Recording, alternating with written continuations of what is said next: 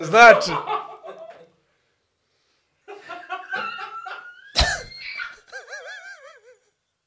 Treba nam mikrofon. Stavi rec, stavi rec. Ide, brate, sve ovo ide. Ide. Nek se čuje, nek se zna. Ko se kome?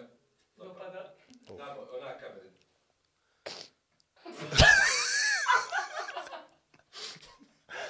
Ajde, Znači, nego nema crveno Druže, novu kameru. ovo, je, ovo će da bude... Pazi, u najavi, Ajde. pa znamo da će da bude dobro. Ovo se još nije dešavalo. Ajde.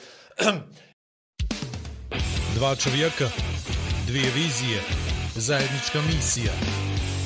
Igor i Vlado predstavljaju Igora i Vlada.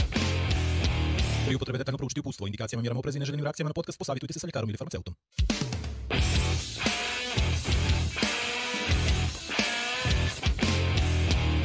Da vi rečem. Ho, ho, ho! Novogodišnja magija u Meridijanu počinje. Najnoviji iPhone 13 čeka na tebe.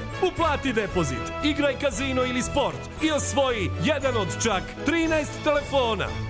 Meridian Online. Igor i Vlado, podcast, sezona 5, epizoda 4. Gost, Marija Vuković. Powered by... Meridian bet. E, moj Vlad. Koliko smo krede potrošili za ovo pet sezona. A, moj Vlad. Sreće pa smo uveli u četvrtu ovu. Ali najava. Čega? Ove epizode, druže. A, misliš na društvenim mrežama? Na social mediju. Pa dobro. Jesi dobio dvije ili tri poruke? Na, a, dragi naši, Gost. Vlada nema na Twitteru. Povuko se. U ilegalu. Penzije. Pisao je oproštane poruke. Naglašavao je da njega jednog dana više neće biti. Tako je. Ali prinudno je napustio Twitter. Tako je. Da li je bio prinuđen? Ne, Ili on sa sebe prinudio? prinudio sam se. To je odgovor koji ćemo potražiti. Nekad. Tako je. Ne I ja juče krenu da ga tagujem. I če mi je Vlado? Če ja Vlado Perović, te i Vinta, ta te nema ga, te nema ga, Marije nema, to znam. Ti si jedini koji to Ja radi. koga, ja puštim onako, rekao, gost je Marija, ja, brate, pitanja se preko mene, nema to. O. I ja like, jedan like, drugi like, treći, kad pup, cok. Veli cok, lajko, ja, druže. Da li da screenshot, ja, ja uvati screenshot, to ja znam da nije neko, znaš, ono, pogrešnog akaunta je to. Ja jutro stek da se probudim, osta cok. Crnogorski olimpijski komitet, lajkovo to. E, konačno si postao bitan moj majer. Pazi sad ovo, pazi, sad dolazim do toga polako, dolazim do toga. Od kako smo Ajde, najavili zato- zato da nam je gost Dobro. Marija Ukoj, jesi primijetio kako je televizija zvalo da gostuje? Znači, ali tek kad smo mi najavili, Dobro. odjednom jedna televizija, druga televizija, treća, pa radio, pa to. Znači, tačno mi vidi, to probijemo nekoga, razumiješ? Znači, mi, mi mu damo, ljudi su počeli da Na mahove, ma, na mahove. A gdje su bili, gdje su bili svi oni prije naše najave? Ajde, evo. E, to Marija se stalno pita, znaš? Da? Aha. A sad je Jer- lako, jer ona je- što veli, sad je lako se šilji to uda. Ona jel? vas da ima od 5 do 7 minuta na televizijama kad je nešto naj, naj, A, gleda sad naj, kad je na naj. dva sata. A onda kad se napravi neki interval od 3 do 5 godina, onda je nema niđe, A znaš. dobro, možda ona po ciklusima Ali zasite znaš. to, to, Na četiri zasite se ljudi od nje. Na, na olimpijski. To je to, to je to. A da, neprijatno mi je. Prva žena, prva žena Prva žena. live. Tako je. A podcast. ne možemo da iskoristimo ovu rodnu ravnopravnost i da kažemo sportistkinja. Ne, ne, ne, ne, sportista. Znači, najbolji Sportista. I sportista za 2020. Najveća, najveća momčina. Među momcima i djevojkama, ja bi to, može li to tako da se kaže? Oteo sam mi pola najave za nju sad, Jel da? znaš. E, sad ćeš ti da najaviš i još samo ovo da kažem. Ajde. Mojoj dragoj supruzi Mariji se rekao juče, rekao, znaš ko nam gostu kaže, ko? Ja rekao, Marija Vuković. E, ja, gledam, a pazi, e, svi smo je zajedno gledali u dnevnu, vrlo se dobro sjećam, e, na, na, na, u finalnom finalnoj seriji ovaj, na olimpijskim igrama, navijali i ovaj, onako, po prvi put smo se stvarno Kad kupili oko svi, nekoga. misliš na familiju. Na porodicu, da, da, E, na porodicu, sa djecom, sa svim, to sve. I onda ono, zapamtila je, naravno, a on kaže, e, ali nije ona prva. Ja, kako nije prva? Pa gostovali su i prije. Ja kao jesam, ono, preko Skype-a, ja nešto to ne računam. I mogu ti reći da ovo stvarno ne računam, ne, ovo je pa prvi put, ono, znaš da će tu nešto se, znaš, gledaš žensko preko puta nas, meni će biti neobično, pravo ti reći. Tako je. Ajde, evo kako ćemo to iznijeti. Meni je već neobično, znaš. Ti neobično. Jes, Ti totalno. nelagodno ili ti je neobično? Nije, pa neobično mi, znaš. Neobično. A znaš da se provali da ljudi premotavaju? Jel? Ali nije bitno. A nema veze, Nema nebitno. veze. Aj najavi, aj najavi, da kako ćemo ono. Ne znam, ja te, teško mi je da, da, da, da nađem prave riječi za Mariju Vuković iz milijon razloga. Ali ovaj, ja ću reći da Marija Vuković je Marija Vuković je posebna. Znaš, Ona je od potpuno. Vukovića. Ne to što A, od to, Vukovića, to nema veze, sataš, nego je drugačija je u startu. Ona, barem ovo što ja znam, ne znam je puno i, i dugo, niti imamo neku potrebu da se mi nešto dopisujemo, osim kad ona nešto osvoji tako. Tad, tad se nešto A čujemo. to ti je svake malo. a To, a to ti je svako malo, živa istina. Ali to što ja Mariju Vuković znam, mogu da ti kažem da to je jedna perfektna osoba za svaku vrstu saradnje. Jedan od najboljih intervjua koje sam radio u životu, radio sam s njom. Za malo mi se zaplaka. Još me boli ođe. Ođe me još boli. Druže, to ti je ona kiselina, si rekao da ideš kod doktora zbog Znači, toga. nije Ja da ne bio to ti kiselina, od intervjua, to se Nego tebe svake malo lijepo javlja. vrijeme, dvije plastične stolice, neki sto i mi pričamo i zamalo mi se žena zaplaka i rekao, moj vlad. A moj, nemoj vidi, gdje si sad. ti došao s cetinje i stolice, pogledaj Nemoj studije. sa, ja da ne e, pa znaš, to me, to me samo drži da, da razmišljam da počeli- neće ovaj put Po zaplaći. Mariji E, smo nešto ništa, počeli. Marija. E, Ne, ne bitno. Marin jedini problem u Crnoj Gori, mislim što bi joj se udvaralo, sva Crna Gora bi joj se udvarala. Kad bi znali kakva je. Ne, nego nemaju centimetara, shvataš? A to, ne dobačaja. Jer, ne, pa ne mogu da dobace, shvataš? I to joj nekako olakšava život. A sve ostalo ima. M je lijepa, M je pametna, Vlado. M je nezavisna, Vlado, M sama donosi par u kuću, M vozi, shvataš? Učestvuje na olimpijade, gledaju je svi i svi pričaju superlativima o njoj. I, Koliko ti je ovo pametno to što je- pomenu da crnogorci nemaju centimetara, nisam ti pametan, Ko? baš za to. pa mi, mislio sam na... Pa ja Nisam sam mislio na na to, visinu, razumijem, ne, ali to- druže, to- je, to je, Jer ispod časti je Crnogorcu shvataš sa višom djevojkom, onda, mislim, ono osjeća se neprijatno, kapiraš? Ono, da su da. Men- Pa I meni isto, tebi. i meni isto. I meni. Tako da ja mislim da, da mislim da će ovo da bude dobra, dobra jedna priča. Strašno. neka smo se mi ispričali. Neka smo, neka smo, neka smo. Hoćemo li, hoćemo li zvati? Ajde, ajde, zove Ništa. to. Ovaj, e, naj, naj, još jednom, imao sam nedumicu, nedumicu, E, da li da ja je ga zovem da mi sad. kuva kafu ili da skuvam kafu. Ah, ja mislim da si pogriješio. Da se pogriješio Mm. što sam, da, nema veze, neka bude greška dupla. Ajde, Marija, ako ti nije problem da skuvaš kafu meni i sebi i polako da pristupiš ovoj tvoje lepoj stolici. Izvolite, kroz kadrove, Prođite šetamo se slobodno. Kakav hod. Sva sreća. Dobro, Dan, Naši, večer. da. naš sjetio sam se onoga vica kad konobarica je toliko omršava pa mora dva puta da prođe kroz kadar. Hoćemo li do pola? Do Ajde. pola, ja, sad kako znaju što pijem, znači, Pa sve, otvoriš, staviš da kapsulu, tako je, dozgo, Dobro. On će da ti priča sve, ti ja ti sve slobodno. pričam, slobodno. Dobro. Ti ne moraš ništa da pričaš, je on će to... Ja bravo, sam spuštiš tu lagano. ručku, spuštiš ručku, Dobro, dobro. Pritisni. Samo lagano. samo, Samo, ne, bez nervoze. napravit sve ćeš ti znat, dobro, ajde, to, pa to dume, to, ajde, ja. gledaj, gledaj, ovo, gledaj, ovo, gledaj, ovo. Ne znam, skinuo sam naočare, ne vidim. Oho, njega ne zanima. ođe miriše, ođe miriše već, Do pola, do pola, Do pola, čekaj do pola. se. Mora da je korona. Ja Hoću li ođe prekidati? tu ćeš je prekinuti. Aj, kako se folira, skuvala je četiri već. Do sada evo svima. E, Ma dosta. Biće Da, nešto od tebe, da, Mare. Tak, Dosta. digneš tu ručku gore, tako, Sad. daš mi tanjirić i šoljicu, I tanjirić hoćeš, Samo jel? nemoj da napane Kimbo bez Ako mene, da pane ne bude sedam godina Neće, nesreće. vidi kako samo... Ja sam u stvari nježna, evo malo kaplje tu. Ne, ne, ne, ne, ne, ne, to je za to, to za to služi. Neka prevrne želju, neka prevrne želju. Hvala. Hoćeš ti, Mare, da to. piješ kafu? Pa Neću ja, evo, da ovaj vodu ću ja.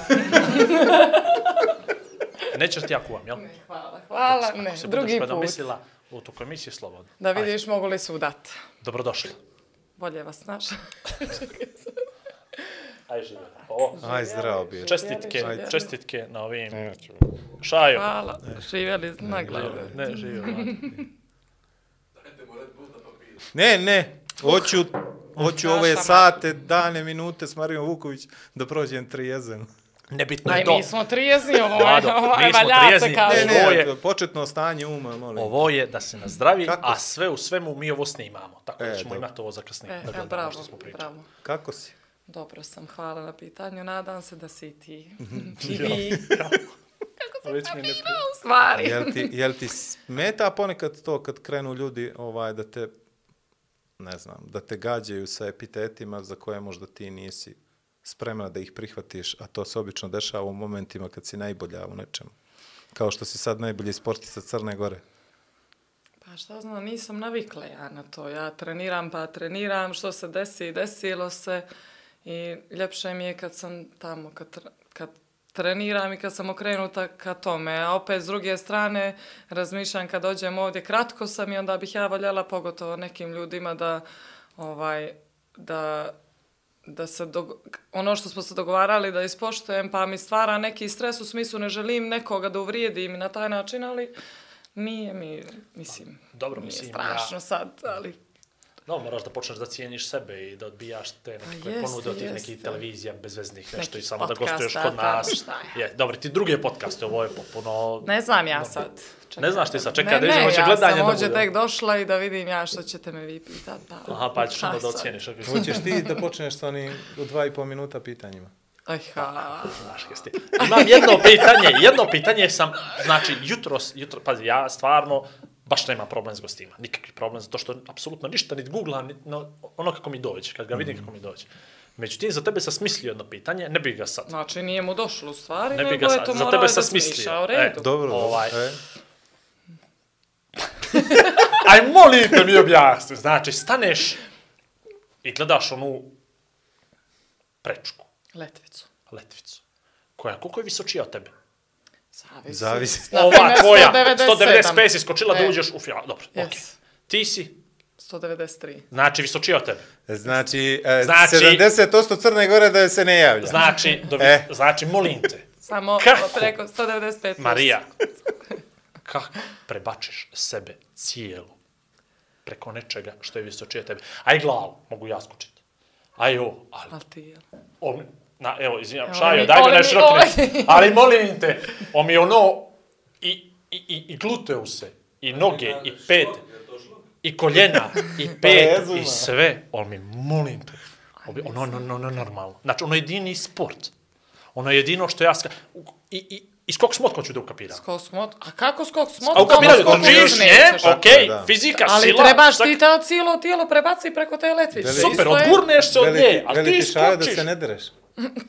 Ti skočiš, ti skočiš, strka, skočiš, leđima okrenuta, ne vidiš letvicu, To je ne vidiš. stvari magija.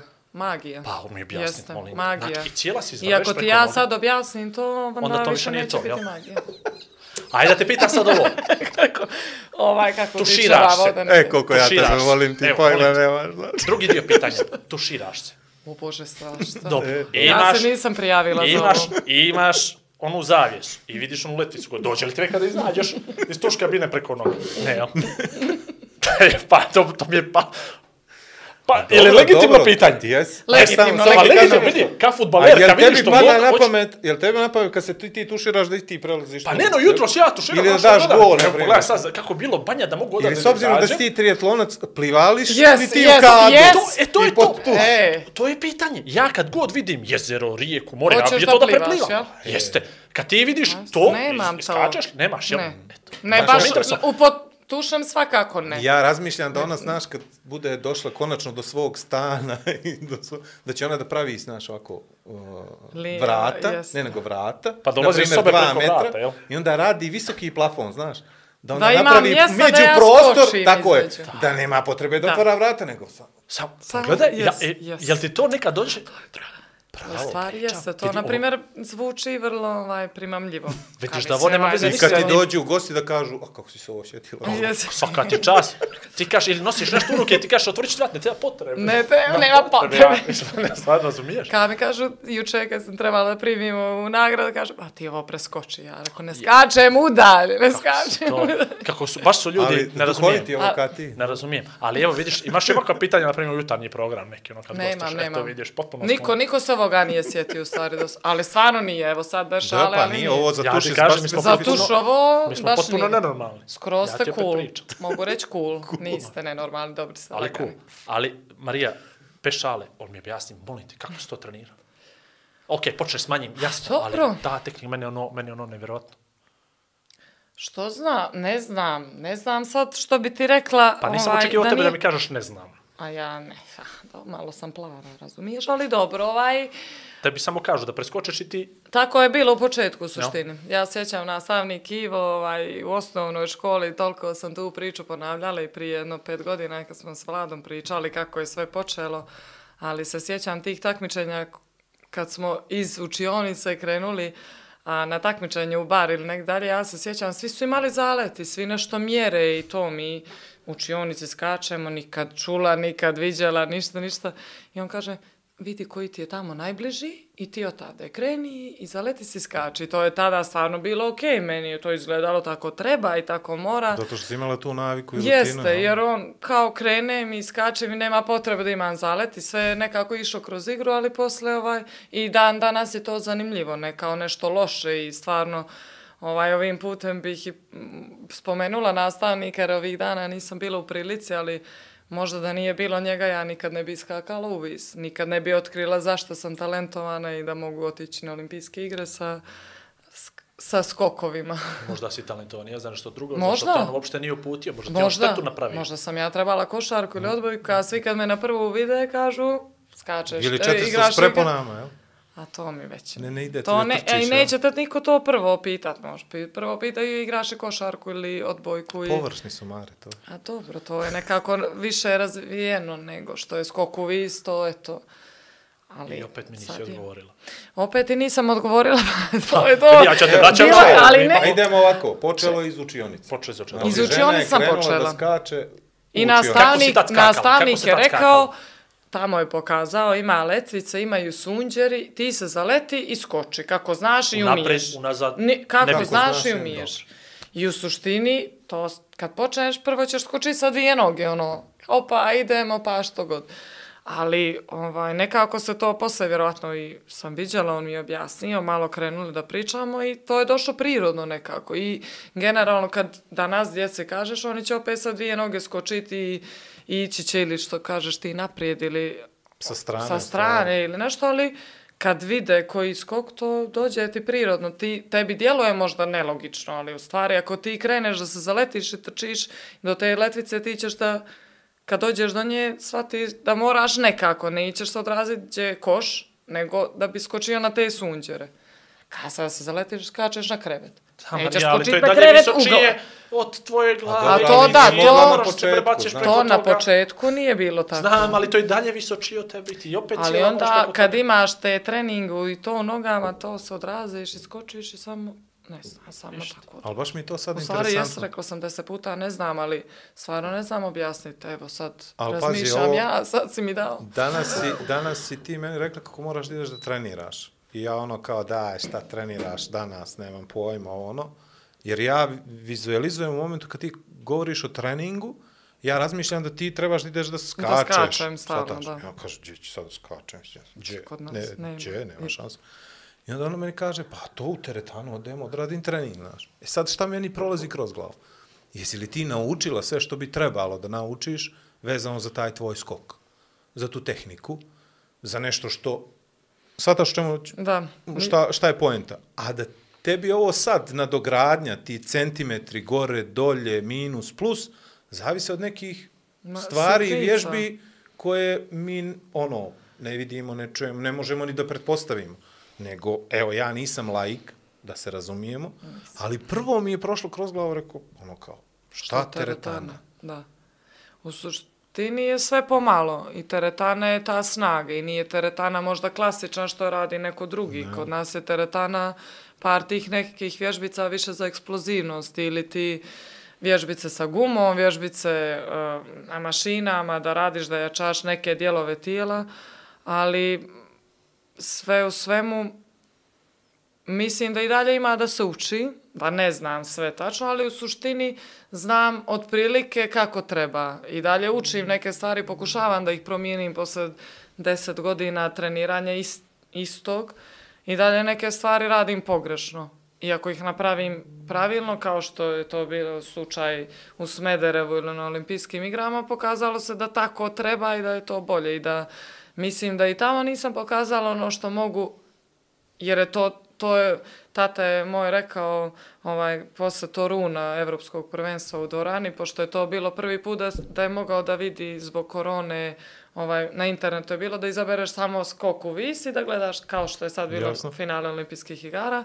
I tata kaže, prvi put da sam ja mogao da vidim da je to u stvari ti ako pogrešno udahneš da ti možeš da srušiš tu letvicu, što jeste u suštini pogrešan odraz ili ugao i kačim je s nogom, s listom, sa gluteosom ili, ovaj, ili odmah sa kačim s ramenom, tako da je to sve uh, skok u vis su sitnice. Ali mislim da pravilan trening i i dosta različitih treninga koji su u suštini kad pogledaš svih ovih deset godina isti na neki način, jer su to istih klasičnih pet vježbica, ista je poenta svega toga da zadnja dva koraka ako su brza da to skače i da će me to podići gore i koljeno da do- podignem, da ostanem u pravilnom, da je ovaj to poenta svega. A Sad, viš kako se krenulo od onoga, Viš, ne, ne znam. znam, Ne ne znam znam, do toga da da, znam. da, Znam, znaš, znaš, apsolutno ali se, a mora da- ali da mislim, znaš. mislim da je to ovaj... Vidi kako ovo ne zbog Ali je li, je li, je li, ti problem što, što toliko radiš repetitivnih procesa? Znači ti praktično sve isto radiš godinama. Jer, zbog Pa nije toga isto, evo, pehar je stani, dobila pa sad. Dobro, Nije, da. sad je, pehar je posledica uzroka. Ovaj, je, li, je li ti problem, je li ti problem, je li ti problem da si svakog dana po istom tragu, što bi se reklo? Nekad Zato sam ti pitao za taj skok, jer ti tehniku skoka, ovo što kaže Igor, ti si izviješ Da. da. ovako, pa nemam pojma, to sad si naučila, jel? Nekad je naporno. Nekad ono budemo u fazonu opet. Jesmo li jutro sradili to? A to ko Dođe dan kroz mrmota mi tre- dođe, da, znaš, ono, Kao kao. nekad ti bude monoton, ali u suštini kad ukapiraš i život generalno je takav. Kakav god, go- koji god posao Neko da radiš. skače, pre- uvi se neko Jeste. u opštinu od 9 do 5. Jeste, i svaki dan ti bude u suštini isti. Ako ne sretneš nekog novog ili nešto drugo ne kažeš, ali trening se sastoji od toga. Sad, da li ćeš ti popraviti se u nekim stvarima, pa ti bude malo wow, super, ali bude nekih dana kad ne ide, bude nekih treninga kad isto to što sam, na primjer, uradila prije nedelju dana na treningu, iskočila sam dobro, ja kažem, pa dobro, ako sam skočila prošli petak, danas idemo malo više, a u stvari danas budem u fazonu, ne mogu ni 180 da skočim, I onda se ja iznerviram i trenerica onda kaže, bolje je ne skaka danas. Bolje je nego deset puta da mi napraviš ovo što si mi sad napravila, onda ti to ostane, onda ćeš ti sljedeći trening doći reći ja nisam mogla 180 da prošli trening, što ću danas. I tako u krug i tako neke više. Mislim da je gore psihički sve to prihvatiti. Da trening kao trening, da nekad sam ispremnija, kao što sam vidjela i dosta puta, da sam spremnija za neke stvari, a u stvari sebe ubijedim da nisam. I ovaj, da su to neke te Znači, iz sitnice glave da, dosta da, iz gla, skačeš, da iz glave ide. I da sam rekla na olimpijskim igrama, mislim da sam, da nisam bila onako opuštena i da nisam uživala u momentu, jer sam ovaj, prije, prije takmičenja, kad sam ostvarila normu da odem tamo, ja sam trenerici rekla, ja sam to htjela i to je to. I onda smo nas dvije pričale, ona je rekla, sad tamo ideš i uživaš. Što god da bude, ti si ostvarila ono zašto smo mi radili ove dvije godine.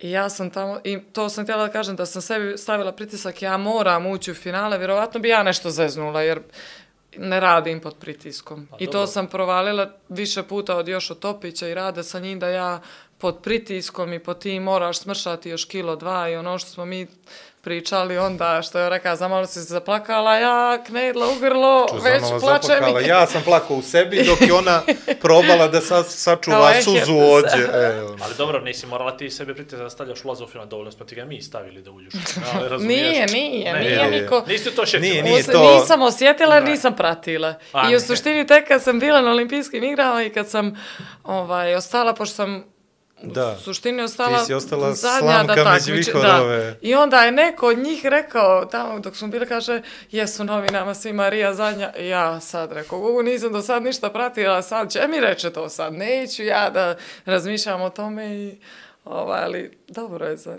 To. A koliko Da ti je teško to da se distanciraš od toga nekog očekivanja, od s obzirom da ni, ne živimo u vremenu od prije 50 godina kad si Da mogla da vidjet, izbjegneš novine, ne kupiš i zdravo doviđenja.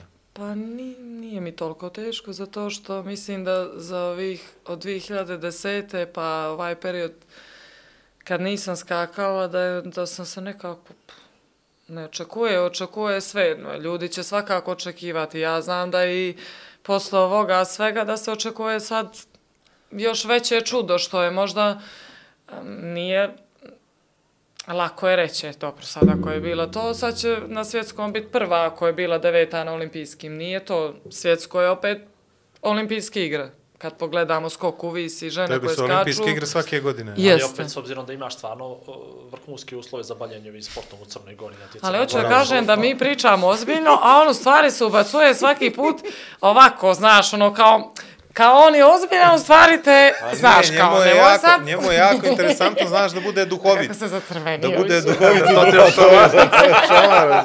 Sad crvenjena žena, urađeni podcast. Ovaj, e, znaš šta je tu, znaš šta je tu meni interesantno? ne, ja sam htio da opravdam crnogorsku... Morala sam. Laičku javnost. laj- ne, crnogo, ne, laiču, laičku. Nemoj tako. Ultra, mega profesionalnu javnost, koja s očekivanjima Evo ga opet ima... on. Kao, s kojima. Dobro je. Ona, Ne, da vidimo, znači, naša crnogorska javnost... Ne, evo, brzo ću ja se zove. Dobro, ajde. Ona sa pravom ima vi- visoka očekivanja od tebe. Sa pravom. Sa pravom, tako je. Ja, ja, hoću, ja želim da opravdam ovaj Ali ja publiku. sam, ja sam to rekla i Vladu 2016. i tog intervjua se sjećam u suštini da ljudi generalno znaju više o meni i o mom životu nego ja sama. Tako da mislim da i dalje je to tako da oni nekako znaju bolje što je za mene, ali ne smeta mi. Ne. Ne, smeta mi, ne smeta mi i ja odavno nisam u Crnoj Gori. Nažalost, nažalost jer ja sam ođe ovaj, Dođeš, među primiš svojima, nagradu i ali među svojima sam i Jasno. nažalost je tako da ja nisam tu i da ne mogu da treniram tu, tako da Imamo ovaj, uslove. uslovi su se mijenjali, ali sam ih našla u Atini. Mada i Atina ne možeš reći sad Grčka kao Grčka, imaju oni super uslova. Grčka je stara, ono što kažu starci ko Grčka, je to tako i u Grčkoj. A kako je Nije- Grčko? Pričam sad o drugim stvarima, baš me Super. briga za trening. Mislim, meni se sviđa jer su sličan A mentalitet gdje si u nama. Grčkoj? U Atini. U Atini. U Atini slični su nama i lagani su skroz. Kafa po čitav dan, sve se može, dođem ti, odem ti, tako to. A reci mi ali- ovo, kad ćedneš u restoranu u Grčku smeta, ali ti što donesu onako milion oni mali porcije, pa ti neko preko tebe uzima ono zaloga i to, pa ono malo... Ne, a rijetko one kad sam to. bila, ovako Ne, više kafa za ponijeti, jer sam otišla u nezgodno vrijeme malo, jer je počela korona, Korona. i sve to, i onda me zateklo, jesi li bila, pitaju me, sam bila ođe, ođe, rijetko što sam mo- mogla uspjeti vidjeti do sada, ali ono, lagani su, lagan su narodi, ja opet ponavljam, posle Švedske i Luksemburga to mi je došlo kao da sam se vratila kući na neki način, iako je drugi jezik, ali svi pričaju engleski, ja sam malo učim grčki, tako da ono, Kako završi ti uopšte u Grčkoj? U Švedskoj sam bila i kako je Kristina otišla iz Švedske i nas dvije, ovaj, kako je ona otišla, nekako sam ja shvatila da sam ja tamo više zbog nje nego zbog trenera i zbog uslova. I kako je ona otišla, ja sam shvatila, ja ne želim ovdje biti sama i tako je još nekih stvari bilo. I gdje ću, što ću, ajde da vidim neđe, ako već mijenjam, da idem neđe gdje je ljepše vrijeme, jer su, toplo, jer su Grc, e, Kako ide taj Šveđani- proces? Dobro, ti si bila u Švedskoj, pa si bila u Švedskoj, da bi tamo takmičila Ja u suštini, za... da. Ne, Ispričaj ja nam tu za priču. Crnu Goru. Dobro, za Crnu To- Goru, ali Da. št- kako si došla do Švedske, kako dođeš do Luksemburga, kako dođeš do Grčke, U te sušt- zove neko, ti Ne, se nudiš. Ja gledam opcije, ako znam nekog, na primjer u Grčku sam otišla tako što sam znala ovu curu što skače u vis i onda sam se ja sjetila da li ići u Atinu kod nje ili u Solun, kod jednog trenera isto kojeg sam znala odavno. Međutim, taj trener u Solunu je tražio puno para da on bude moj trener, a ja sam svjesna toga da oni za mene jedve izdvajaju, da tog trenera neće plaćati, onda će biti problem, nema potrebe. I trenerica je ovaj, kad smo razgovarali, ja sam nju pitala kakve su opcije, da li ona može, da me primi u grupu. I ovaj, tako je sve počelo. Onda ja odem u suštini, najčešće bude da ja odem mjesec dana kao Probno. probno. Tako ispadne. Da vidimo da li nas dvije funkcionišemo u ovom slučaju kad sam otišla u Grčku. Što je vrlo bitno u čitavom procesu, je li tako? Pa jeste. Najbitnije, jel? U suštini jeste. Kad smo otišli u Švedsku, otišli smo naj... zbog Kristine. Kristina je imala dogovor sa trenerom i onda smo se dogovarali da li šta kako, nas dvije malo da budemo zajedno, pa ajde. Da li oni popust na količinu? Ne daju, ne daju popust, Samo ali na to je u rezultat. suštini je da je cijena je fiksna, mada je ova trenerica malo, malo manje, jer je ona tako tražila više. Ja mislim da je tražila ovaj, čisto nešto da, da se kaže da me trenira, ali mislim da ovaj sad zaslužuje više, jer ipak od svih trenera sam se s njom najviše ovaj, povezala da je to ispalo super. Ali Kako tako, ide to povezivanje sa trenerom, s trenericom? Šta ti ona zna što ti ovi ranije nijesu znali? Mislim da nije, da, da u Ili si ovom ti možda slučaju, došla do tog da, nekog nivoa da. Da. si prošla sito i reša to i sad Mis- znaš da. šta je sljedeće? Mislim da u ovom slučaju uopšte to nije bilo kao poznavanje. Jer ona izgleda kao baš neka, izvini što te prekidam, ona izgleda kao fina. neka gospođa fina, A, da. lagana, za saradnju. Dobro. Pa ne, nego ne znam, ja sam... Majka me pita, pa ona tako izgleda fino, tako, je li ona jaka da, žena? pa to, ja, ako, Majko, da. kako misliš, je li le- jaka žena? Pa kao, je li, djeluje mi Ono kao sa nježna stavom, je. sa, vjerovatno te to pita. Da, jel? ali E. nježna je, sva je fina. I to prva mi je žena trenerica, žen, ženskog roda. Dobro. A, ovaj, I to ću kažem da mislim da nije pitanje da li je stručno u skoku vis više, pošto od toliko trenera koliko sam promijenila, da sam od svakog po nešto uvatila i da sam ukapirala da su to sve neke iste stvari koje, na koje treba da obratim pažnju i da, da sam nekako upoznala svoje tijelo, da što mi prija, što mi ne prija i da je u suštini poenta što je dobra, dobar čovjek i što je opuštena nekako da meni odgovara cijela ta ovaj, atmosfera u grupi i način na koji se trenira s njom. Tako da mislim da je to bilo presudno u tome da ja sam njoj, ovaj, kad sam otišla u Tinu prije dvije godine, prva stvar kad smo mi počeli, ja sam rekla, ovaj, ja sam prošla dosta i želim da radim s vama, želim da slušam i da naučim nove stvari, ne znam toliko od toga i hoću da skačem, ali jedina stvar koju ja vas molim, i ne šalim se s tim i neće moći preko toga jeste da mi kilažu ne spominjete. Da vi mene ne kontrolišete. Ne, ne govorim kao je ja ću da budem debela pa ću da skačem, nego samo da mi ne stavljate taj pritisak jer svaki trener kod kojeg sam bila kilaža je broj jedan pa sve ostalo. Ja sam njoj rekla ne želim da kilaža bude broj jedan, nego želim da nekako napravimo nešto da se ja vratim iz ovog ne znam, nekog bunila, kao treniram, u stvari ne skačem i nikad, nikad mi nije spomenula kilažu. Ja sam počela, ja sam zimus se prvi put izmjerila ovaj, negdje kraj decembra i ja sam, ja sam se prekrstila, ja sam rekla prvi put da je meni trener za mojih evo koliko godina karijere rekao super si. Super si, morat ćemo malo samo teretanu da je pojačamo, da te malo ojačamo. Ja, prvi put. Imaš masu, a I- sad i definiciju. Da, to? i to ću kažem prvi put samo zato što nije bilo pritiska. Da ja moram smršati još kilo ili još dva. I... Oj, dobro, što ti je ženska psihologija? Nisam ženska psihologija, ne, ja samo ti ne, kažem... A puštiš je, pazi. ba! Puštiš je, brate, da misliš da ona... Ali pazi, a ona, ona- njoj pojačava ali ti možda ne- ubio ne znaš- šest puta nije, Pazi, ti, trenira. ti ne Da, znaš, ti da možda, ti ne znaš možda uvod u čitavu priču. Ne zna, on E, pa, ne ne zna, on, se kažem, hoće meni zezna. uvod, u čitavu priču. Vlado, izvini što te prekidam, izvini, molim te, Marija, što ću ovako da kažem. Ja kad kažem da se ja ne pripremam za goste, ne želim, ja kažem da su meni gosti nebitni. Ne, ne, malo- ma niko nije to mislio. Malo ne, se ne, to ne. osjeća. Osjeća Malo se to osjeća. Ne, nego, Ali, imam osjećaj da gledaš ono kroz nju zato što ona priča o stvarima koje su se dešavale i jako su uticale na njenu karijeru. A jedna O, od vrlo, tih vrlo. stvari Sad- je ta priča o kilogramima, da ona uvijek morala da bude Sad je lagano, sve to izgleda šalu, dalje. ali Tako nije je. bilo šala. Apsolutno nije, Nije, bilo nije šala. bilo A šale pogotovo to kad smo se družili malo na Cetinju, tad sam ukapirao da je ovaj, mislim da je, uh, kako sam ono rekao, epite debela se najviše puta ponovio u jednom satnom intervju, upravo kad smo jeste. ti i ja razgovarali, tako je. Uh, ona A, je imala zašto, stigmu- zašto ja nisam pripremljen Pa za ovaj ću intervju? A jel da, da Zašto nisam debela? ovo? Da si- da si- Zašto ja nisam? A da ne, si- no- nosiš se široko, to sam Da primijetio si- čim si ušao. Pa da se ne vidi. E, pa eto. Da Sad, si, da ne si bi te pogledao nama to i pripremio se, sebi ti bilo jasno. Da. Ali evo ja Mladenu Mara Rakčeviću imala prošlu epizodu ništa nisam rekao za to. Mladen, divno stvorenje, Jel divan tako? čovjek, divan Jel čovjek, tako? ljudina. Jeste, jeste. Mladeni Ljudina. i, i, i Marija imaju vezu zato što su praktično tebe preko Mladena se pokrenula neka akcija.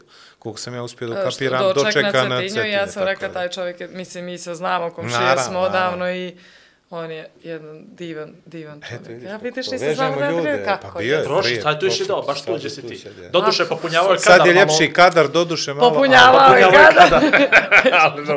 Pozdrav A, veliki za Mladena. Mara je imala ozbiljan problem sa ljudima koji su smatrali da ona ima više kilograma. Ko su ti ljudi? Mislim, ne mora imeno i prezivno, treneri. Stručnjaci. Stručnjaci. Pa dobro. Struka se pita. Struka. I Pa i danas ima toga, da će odmah reći, ostani tako, nemoj se sad opuštati, ali nije poenta u tome. Poenta Možda da ti sam ja... zadržiš kilažu da porastiš još malo isprobava to. Nema, ne, neću porast. Nećeš, To mi je, što mi je majka i tata ovako, evo, to na je radost to. ovo Ne, ne, 30% ja Crne Gore preko 1,95 m. Ali, nije i dan i ja vidim i sad i ovih dana ovako i posle skokova prva stvar što je bila kad su me dočekali na aerodromu bila je dobro, dobro, sad nemoj se opuštati iako si na odmoru, mislim nije to Aj, poenta. ti ali, Evo, nije se opustila. Mi nismo nije alkoholičari. Ne, ovo Ne, je ne. nazdravljanje Ovo je samo da bi ispričala što više u Ona podcastu. nije mogla da donese onaj pehar, mislim, ona ga je donijela, mi smo mogli da ga kadriramo, to, to, to, to je nevjerovatno, mi samo tome nazdravljamo. Ovaj, ovo, ovaj sokić, što je ovo?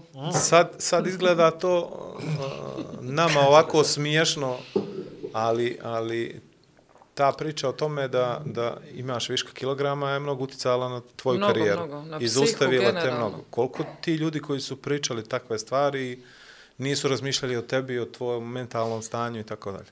Pa mislim da se gener, generalno danas ne razmišlja o tome o sportisti kao osobi prije svega, nego kao ti si sportista i mašina si. Pravi medalje, pravi rezultate, mi ćemo da ulažemo, da te nagrađujemo, ali mi smo prije svega ljudi, ja sam rekla koliko sam godina povezivala to što ja ne skačem sa tim da ja ne vrijedim kao osoba. A to nije mala stvar. Mislim, dobro, okej, i ne treba se vraćati na te stvari, a opet treba Treba se ispričati ta priča, zato što znaš. sutra će neko drugo dijete Apsolutno, to proći to. kroz Pa zato to. te i pitam ovo sve. Da, i ne treba tako da se osjeća. Ja sam, najveća podrška u svemu tome je bila moja sestra koja je nekako svjesnija u tu ruku i sa strane gledano uvijek je bila nema to veze, da li ćeš, bit ćeš, nećeš, ali ja sam sebe spuštala više nego što treba i ovaj, mislim da je to najveći je problem adek, kad počnemo da imamo adekvatne psihologe, taj trener da bude prije svega psiholog, a ja mislim da to nisam imala od početka kad je trebalo da imam vraćajući se na rezultat koji sam napravila kad sam bila mala, mlada, ovaj, da je trebalo tada nekako naučiti kako da se ja ponašam, šta da ja jedem, da ne bi došlo do toga, a ne da dođemo do toga da posle tri mjeseca ja budem debela, u stvari je to neki prirodan proces koji žena mora da, djevojčica mora da prođe, a niko te ne objasni to tako. I ovaj, mislim da, da, je, da je to prije svega stvar da pravilnog i pravilnog eh, načina rada sa, sa atletičarima, da bude prije svega trener psihologa, onda trener. A imali, ok, aj za Crnu Goru, da ne pominjamo Crnu Goru sad stvarno u ovom momentu, uh, i imali razlike između država u kojima si ti bila kako se obhode prema djeci? Ili je sve to već izgrađeno na, na jednom visokom nivou? Pa ne, ne znam. Ne, ovo je ozbiljno, ljudi, ja, ja se- imam... on- Ono kad si rekao ja na visokom nivou, ja- znaš ono. Ne znam, jel se on sprda sa sa mnom ili me Ne, ma, sam. Mara je bila i u Bugarskoj, i u Srbiji, ali bila i u Švedskoj i u Luksemburgu, pa ne znam, Pomijela Švedsku, ne može biti... Luksemburg i Grčku, razumiješ? Pa dobro, Sam- samo visoki nivo. Pa Ali dobro. isto, mislim da je generalno, ok, Švedska je nešto drugo. I definitivno Švedska i Luksemburg su drugačiji od nas, od Balkana. Apsolutno, I apsolutno. njihov način i sistem je drugačiji od našeg, tako da to sam, mislim da se ni ne može toliko uporediti, ali u suštini je Ne, slično. nego, o, o, ja sad ne, Ne, mogu on da se trpijem, smije, ja ali ne da mogu, je, nije, e, nije, pa, ovo je sad problem, o, ovo je, on, Pa ona je problem, mene, ajde. ona je problem, Ja ona je problem. A što sam ja problem? Ja Ne ću tebe gledaj da njega, pitam, nego u mene sad. Vlado, ja ću tebe da pitam, a ti onda to pitanje preformuliši da njoj zvuči. To sam radio mnogo puta, E, nego nisi ti primijetio znači, do sada. molim te, molim te, pitaj ti Mariju, Dobro. ako nije problem, pitaj Mariju. Mi Da ne li- pričamo, jel? I, n- ja i ti sad u ovom momentu ne, ne govorim. Dobro. Znači, pitaj Mariju, da li ona smatra da... Se ti, ti kažem. Pita ti nju, da li ona smatra da u drugim državama, u drugim sistemima, ok, sad pričamo o. Crnoj Gori, malo, je- malo je teški smo ovdje sami po sebi, da li smatra da je obhođenje prema mlađima, priča sa o djevojčicama, konkretno u atletici ili nekom drugom sportu, ali u njenom slučaju atletika, Dobro. da li su pregrmjeli to, preboljeli te dječje bolesti, obhođena prema, tom, prema toj djeci, ili smatra da je to neki problem koji treba u cijelom svijetu da se radi Dobro. na tome. Ili je to samo... Pričaš ide o to rodnoj nekako- ravnopravnosti u atletici. Ne pričam, kroz- pričam sad o konkretno u ovom problemu prema djevojčicama, pretpostavljam stoji muški treneri, pa oni to ne razumiju, ne razumiju odrastanje, sazrijevanje, pubertet, a, dobro. sve to, da li je to neđe drugo? Pitaj to. Razumjela sam, evo, ja sam, ja sam te čula sad, Ja sam ali tu, ovaj, ja bi se nadovezala i razumijem te, iako Vas, slobodno. vas, izvinite, ja vas razumijem. I hoću da kažem da mislim da to nije generalno problem, da ljudi znaju da se obhode, ali u mom slučaju, ja govorim samo o mom slučaju kako je bilo da je to bio veliki uspjeh, nekako neočekivano, očekivano šta god, našao nas je nespremne ili šta god i da u tom trenutku da ja nisam imala, ja smatram da nisam imala pravu potporu sa stra od strane trenera ili ljudi oko mene.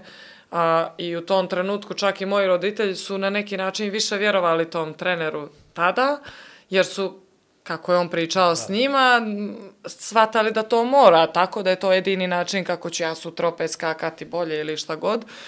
I ovaj, da, je, da je to nekako bio propust, ali smatram da danas rade lijepo sa djecom. I Ovo što sam ja uspjela da vidim da tu ima tog načina. Sad, da li je to pitanje kad se postigne rezultat tada, pa onda možda treba drugačije postupiti ili ne stavljati pritisak i očekivati od nekoga više nego što u tom trenutku može, ali mislim da, da znaju i da rade danas, pogotovo ti mlađi treneri, da znaju da ovo što sam ja uspjela da vidim i da ispratim, da, da znaju i da rade na lijep način. Ma, ono, što, ono što je meni bitno da, da se ispriča, a nešto često ponavljam to sa skoro svim gostima, uh, znamo kako išao taj tvoj put, recimo, neki ne znaju, ali ovaj, uh, znamo da si do jednog trenutka uh, predstavljala neku mladu nadu koja ruši neke rekorde na crnogorskom nivou, koja ima neke interesantne rezultate i tako dalje i tome slično. Međutim, tad se desio onaj moment kad si ti postala svjetska juniorska šampionka. I to je taj moment u kojem mi pričamo čitavo vrijeme, čisto zbog gledalaca koji možda ne znaju. Ili, ili voditelja. Možda E, ne da, znaju, tako. dobro. Meni interesuje, kad si ti svjesna postala da si ti bitna? Ja. Da li se to desilo? bitna? Da. Ja ti njemu stalno Pazi, da On mi je rekao da ja sam nebitna skroz i da je on mene zvao jer si ti, ti si- njega ti zamolio. si- Tako, u tom ja, ja sam trenutku- Igor. Iz Da je mene Malo prije, si, malo prije si pričala o tome, znači ti si u jednom trenutku postala perjanica jednog sporta koji je u Zapećku u Crnoj Gori. To možda, moramo da pričamo o tome zato što nemamo ni taj stadion i skače se, se skače i baca se gdje se baca i gdje mu nije ni vrijeme ni mjesto i tako dalje. Jer to, je li to taj moment bio? Ili se možda nešto desilo ranije pa da ti prihvataš neku vrstu odgovornosti, jer očigledno ta neka vrsta odgovornosti i ta očekivanja su ti se igrala s glavom, jel? Igrala su se s glavom. Ja mislim i generalno i danas da nisam svjesna možda koliko kako si rekao, sam bitna i to, jer ja to gledam kroz nešto što ja sam počela da skačem jer je meni to bilo zanimljivo. Tako I Igra. uživala sam u tome, igrala sam se i onda je to umeđu vremenu postala neka kao mora se ozbiljno se idemo, očekuje se ili ne očekuje se, ali ovaj, tek mi, generalno mislim da tek posle olimpijskih igara i svih tih komentara i kako su ljudi to ispratili, da sam nekako postala svjesna da mene mala djeca i, i dječica, djevojčice gledaju kao nekog uzora.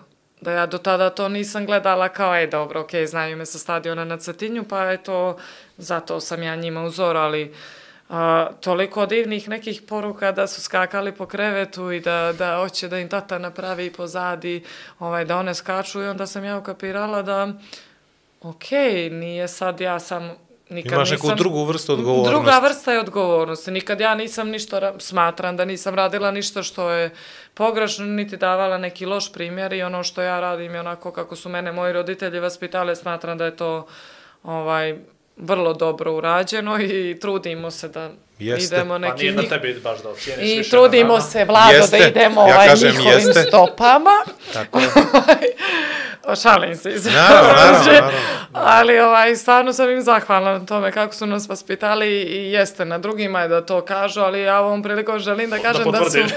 da su moji roditelji nas, ovaj, da nam ništa nije falilo i da su nas lijepo vaspitali i smatram da je to neki ovaj, put koji mi idemo i put koji, ovaj, na, život koji mi pokazujemo i na koji se današnja djeca i omladina ovaj, možda ne ogledaju tako često, a, a mislim da, da je to ta vrsta odgovornosti koju Koji sam ti nosiš iz nakon... kuće, ali, jeste. ali stvarno došao do tebe došao do, tog došao trenutka. da, tog trenutka. tek nakon olimpijskih Olimpijskih igara i a, nakon prenošenja finala olimpijskih igara i onda sam rekla da ne kao nešto ću ja promijeniti, ali bih voljela na neki način da ta djeca i te djevojčice mogu da treniraju ovdje, da imaju mogućnost tih treninga, da to ne bude samo u baru pa oni skaču ili na cetinju koji ja mislim da sada čak i nema ni tu učionicu ili gdje mogu da treniraju i onda je to nekako um, tužno iz nekog razloga što ok, to će ih držati sada jer ću ja biti koji put uh, u televiziji, na novinama, sutra će biti neko Podcast, takmičenje na nekim podcastima od gospodina Igora, ali ovaj, mislim da bi bilo lijepo da oni mogu da osjete to i da sutra ovaj, se organizuju tako neka veća takmičenja gdje će djeca skakati u visa, neće samo trčati ili ovaj, tako da ovaj, bih voljela da se, da se uradi nešto po tom pitanju, da ne samo gledajući mene na televiziji mogu da, da se raduju tome i da žele, nego da budu u mogućnosti da to urade. Nekako je došla do tebe ta informacija, u stvari taj osjećaj, emocija da si u jednom trenutku, kako sam ja napisao, tog dugog toplog ljeta, nekako ujedinila Crnu Goru na jedan poseban način. Sigurno, znači, sigurno je nekako došla do tebe. Jeste. Ovaj, zato što u tom nekom haosu dnevno-političkom kojem smo mi bili, svi su tebi govorili u superlativima. I kako meni se to nikad nije desilo, moje mare, a njemu tek neće. Ja Kakav je osjećaj? Kako te pogleda? Kakav je osjećaj? u fazonu baš. i- A, Ovo baš. mojom kosom, lepo što. Jel ti bilo frka? Uh, ja nisam bila toga svjesna dok nisam došao ovdje, jer sam, ok, Instagram, Facebook i toliko poruka, ja sam bila sva oduševljena, super, odgovorit ću koliko god mogu. I onda sam bila u fazonu, ok, to je današnje vrijeme, TV, Facebook, Instagram i dobro.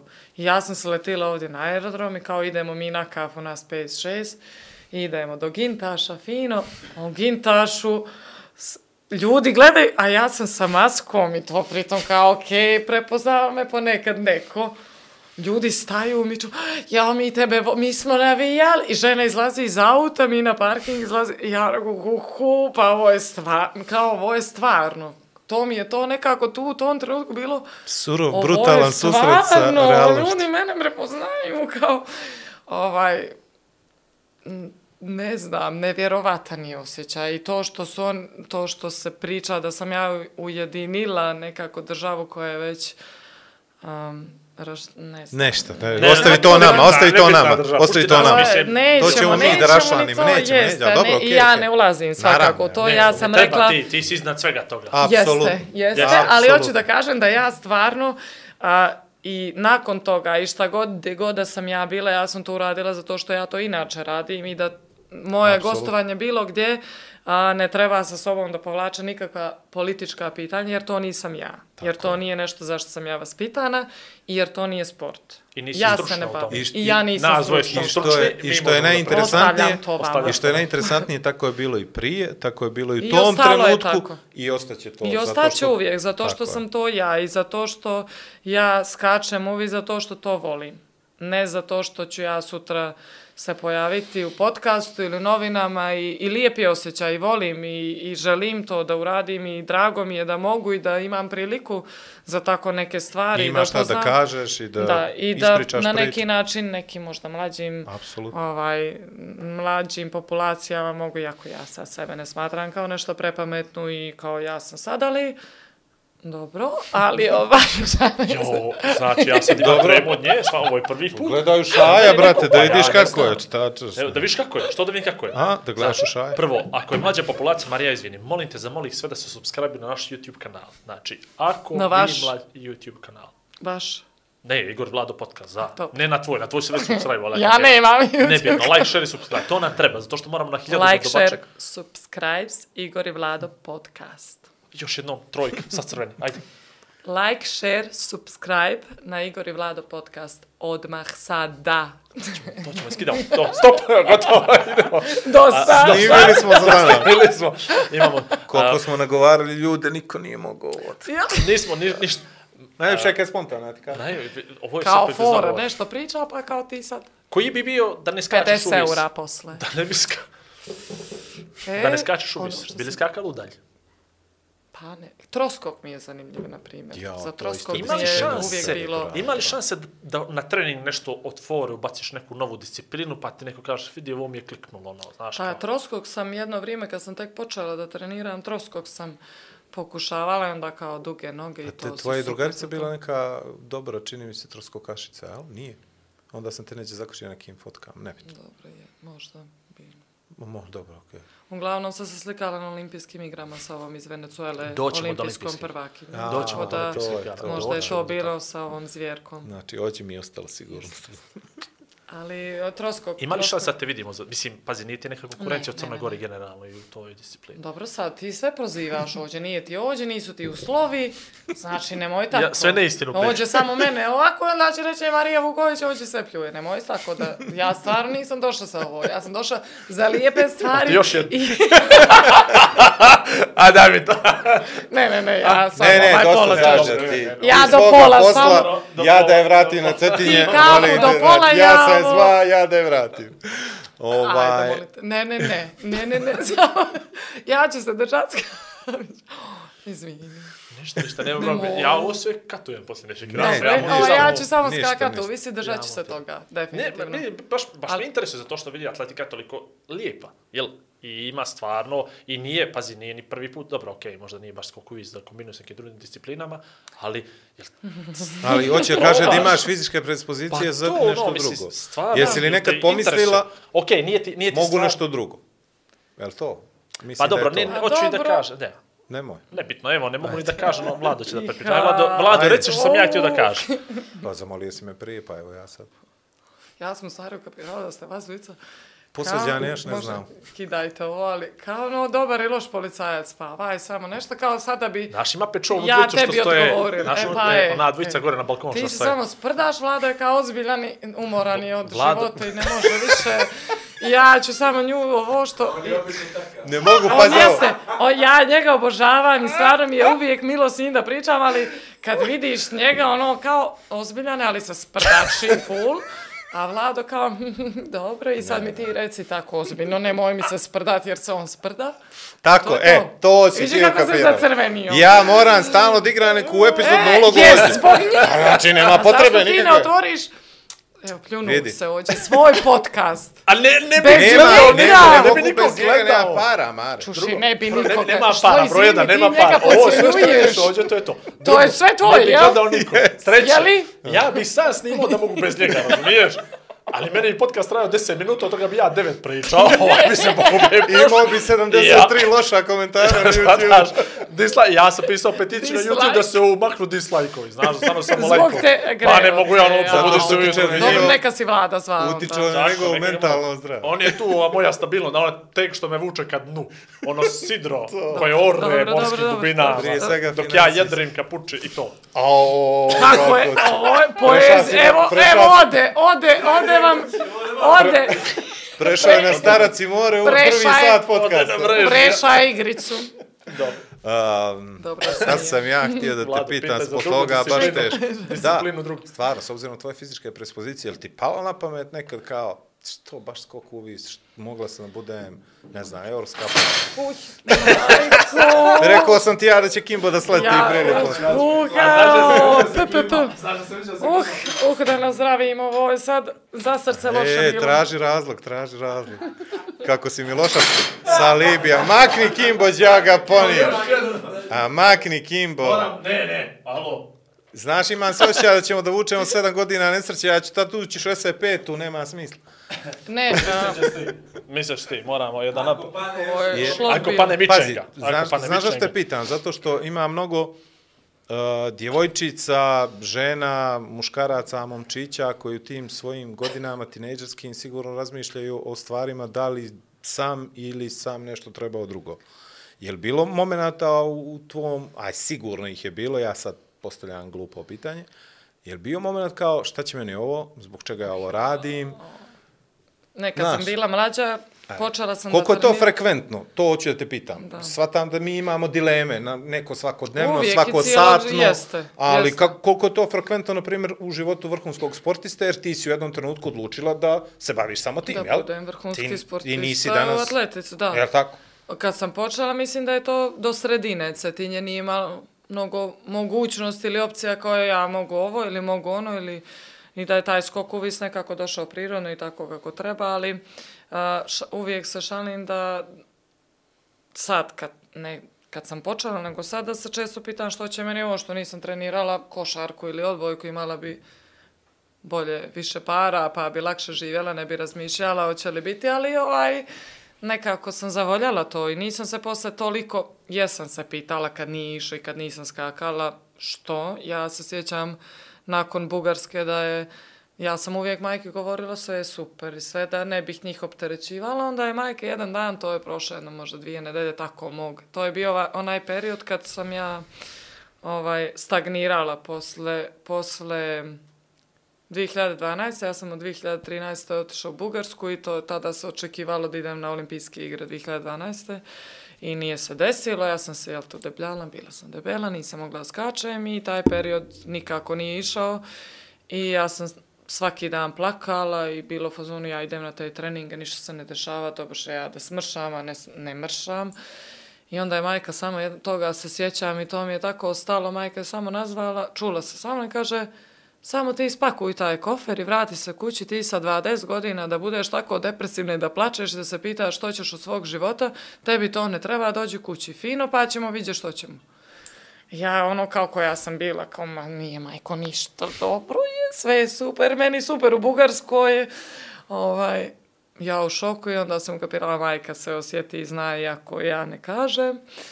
I ja sam se tu vratila i to je bio moment kad sam ja razmišljala da li da prestanem da treniram atletiku, ovaj, upišem fakultet, nastavim, pošto sam tada već i pauzirala. I to je bio taj presudan trenutak kad sam ovaj, odlučila da odem u Novi Sad i da upišem fakultet i da treniram i tako je nekako sve išlo lakše, ali nisam se toliko, pitala sam se u smislu kad ne ide, zašto ne ide, ali ne. Vo, volim skok u vis. I zavoljala sam i od prvog trenutka i dok je, što smo rekli, to je bila igra i tome sam težila da se vratim da bude neka vrsta igre, a opet je profesionalna, profesionalno se bavim s tim, ali volim to što Koliko radim. je ti je bilo bitno to što si upisala fakultet, pa da nisi imala tu vrstu dokolice koju si, na primjer, Da, imala u da, Bugarskoj, da, da, da, tog to, nekog vremena kad, kad sama sa sobom pričaš, razmišljaš i ocjenjuješ, potcijenjuješ i jako si samo kritična. Da, to je bio moment kad je meni krenulo nekako, ajde, nije se desio neki baš veći rezultat, jeste nakon toga 2016. ali a, moment kad sam ja imala drugu obavezu osim skakanja, da ne razmišljam 24-7, zašto? Kako ću ja sad smršat, pa ću ja skočit.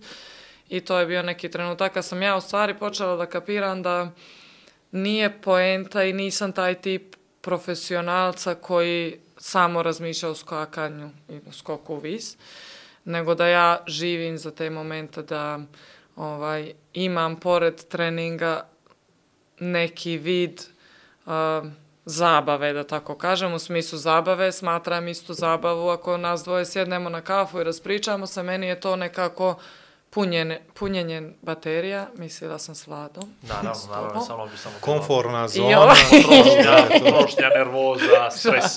šalim Ne, ne, se. ne, sve okej, sve razumijem. Nemoj mu, se, nemoj mu više govoriti šali, se onda sve da govori, svi kako je dobra, sve fina prema meni i to, onda će, ne može, ne.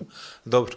Znači, ta- Kao, pitanje- ta- mislim, komfortna ta- zona da je meni... Kako sam ti Tako je. pitanje smislio? Jeste. Tako. Oha. Znači- I to, to sam provalila da meni, da je to nešto što mene posle gura u, u, u treni, na treninzima, da je meni taj dio bitniji od ovoga, jer znam da sam na treninge Stvari, navikla da... Hoćeš da kažeš da, da si morala da riješiš sve okolo ili da nekako ispuniš taj dan sa obavezama drugim, tim pod obavezama, mislim i to Da. socijalni život, druženje, nemam pojma šta sve može da prođe vrhunskom sportisti kroz glavu da bi bilo ok sve, ali ovaj, jes, kad si to riješila, onda se desilo i na drugoj strani nešto. Ali to je uvijek bilo tu. Ja sam uvijek imala taj svoj društveni život, ali sam bila mnogo opterećena i kao mislila sam moram, ja nešto moram. Pa to, da. I onda u stvari shvatiš da ti ništa ne moraš. Da si ti tu to, ako ne budem skakala, da ja u stvari mogu da budem nešto drugo, da nisam nesposobna za druge stvari, da nisam nesposobna za život, a dugo vremena sam mislila da je tako. Ako ne skačem uvis, ja sam tupava, mutava, ja ne znam, živjet ću s majkom i tatom i to je to. Ali u svi. stvari, kao da nas vole.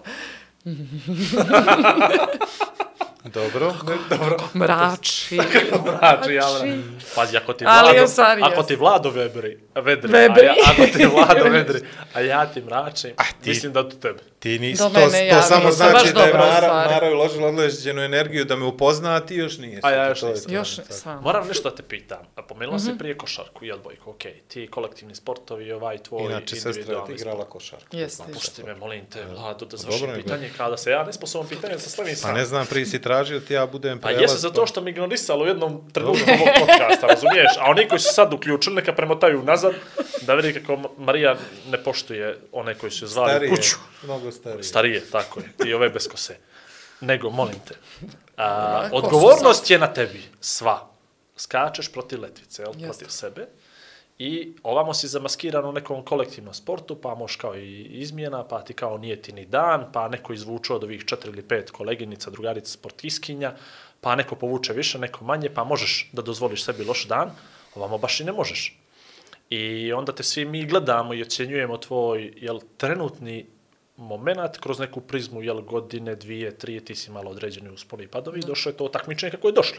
Svi se vi spremate za njega, međutim ne dođete svi sa istim bioritmom. Nažalost, u ženskom indi- individualnom sportu ima još jedan jel, moment Momenat, koji je svaki mjesec vam se ponavlja, koji, ne, ne, vi- vidim, Znam, znam šta. pitanje je moje skroz, koliko takve stvari mogu da te izbace, na što stvarno ne možeš da utičeš.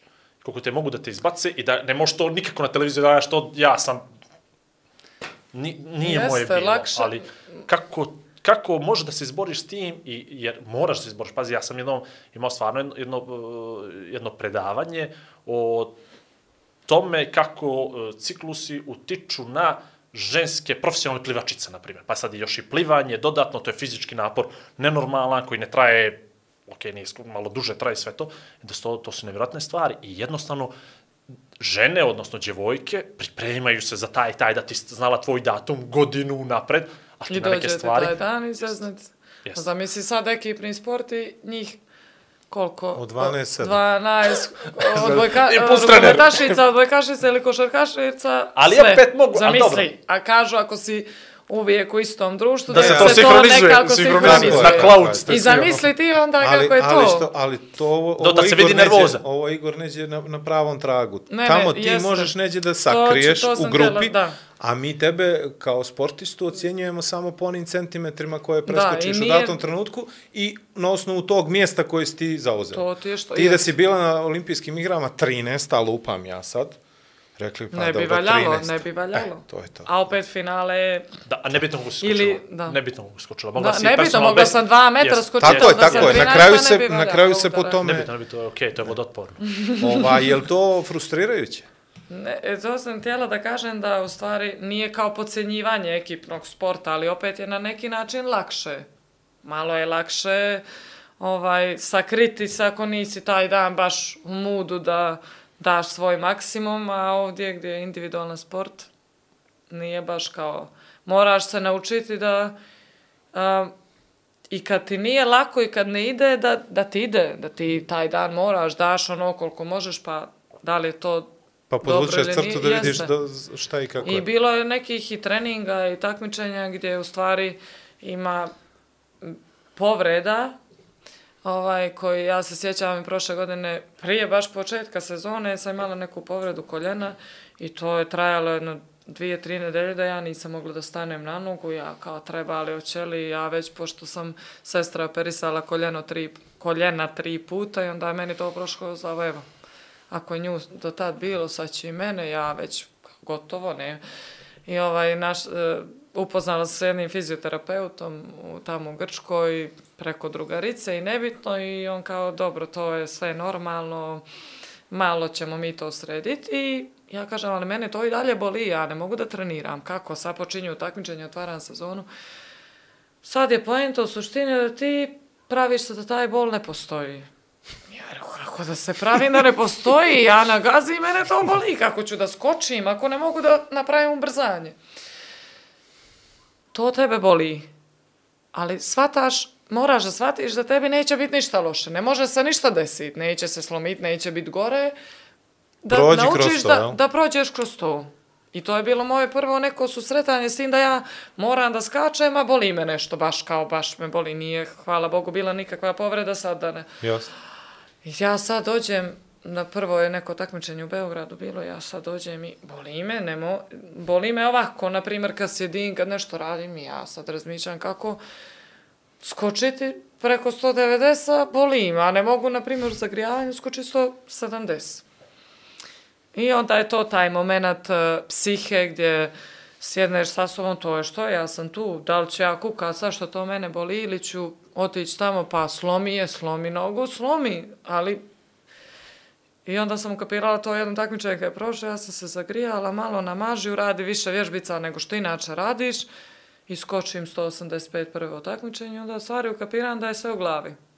Ok, nisu vjerovatno neke veće povrede i Da, moraš da Bogu postaviš nije preduslove bilo. za Da, glavu, da, dobro ali treniraš da, bi da. na kraju glava izgurala Ali to. da sam shvatila je, kaže već neko ko zna to i ko je provjerio da neće biti ništa iz toga da ja sam u svojoj glavi iz- napravila već, veće što bi ja rekla nekad moja majka napravi od muve magarca, nešto što ne postoji.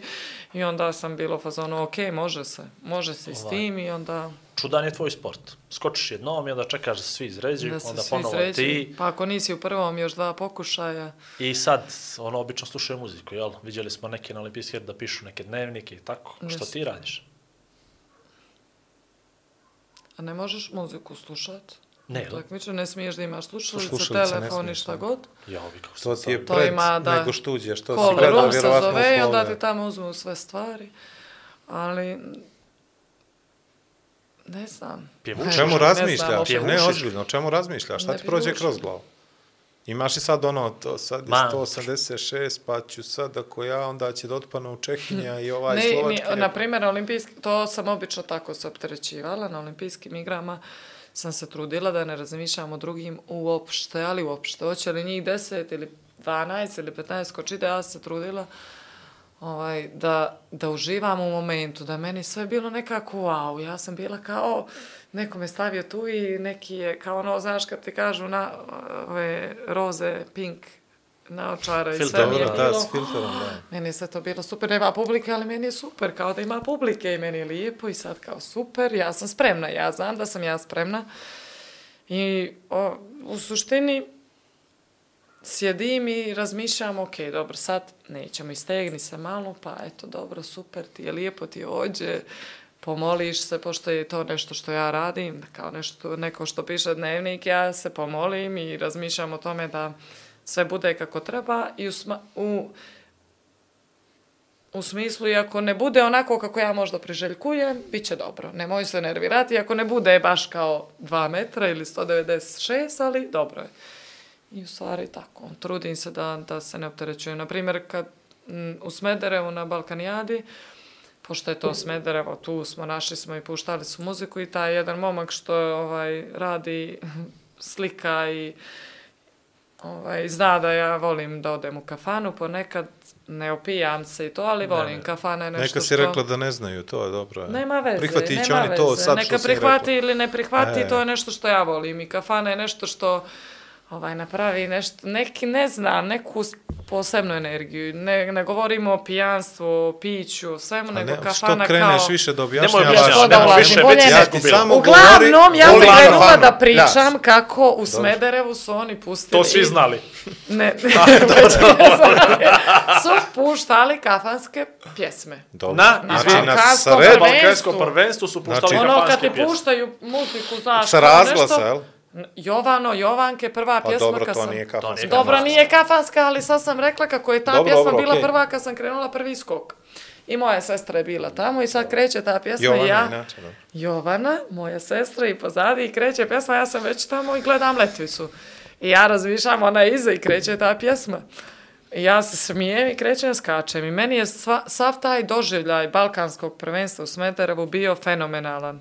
Da sam ja u jednom trenutku razmišljala, možda sam ja previše opuštena, kao da sam došla u kafanu, a ne da skočim, zadnja šansa za normu za olimpijske igre. I onda sam razmišljala, ne, kako se ja osjećam u tom trenutku, ja sam bila svjesna da sam ja spremna za to. Ako je treba, da je nije trebalo da se desi, ne bi se desilo. Da li sam ja bila opuštena ili ne, ne bi se desilo da nije trebalo u tom trenutku i ovaj, ali to ću kažem kako sam pomislila u jednom trenutku da kao pff, previše sam se ja opuštila, pričam ovamo, malo se našalim, e, Jovana, e, muzika. Objasni mi ovo, kako si ti svjesna da si spremna da preskočiš to 197? Ili 5, koliko je 195 je bilo? jel? Sedam u 197, Smederevu. 7 u Smederevu. Kako ti, jel ti to skočiš na treningu pa znaš? Ili si skočila 150 puta tu neku visinu? Ili ti imaš neki osjećaj? Jer pazi, ne Pa pričamo nije- sad, uh, uh, e, uporedit ću to. Znači, došao je čovjek sad, plivač naš ovaj Gargović, plivao je 400 kraul i skinuo je crnogorski rekord za 7 sekundi na 400 metara. Kao 7 sekundi. I sad ne znaš što je bolje, je sekundi. on ili ovaj rekord stari? Nego ono, šta se desilo, znaš ono, kao šta Kao se kako, desilo da, da. je skinuo 700, pa onda četiri dana na 200 skinuo još nešto za ne znam. A mi ovdje pričamo ovoliko, Da.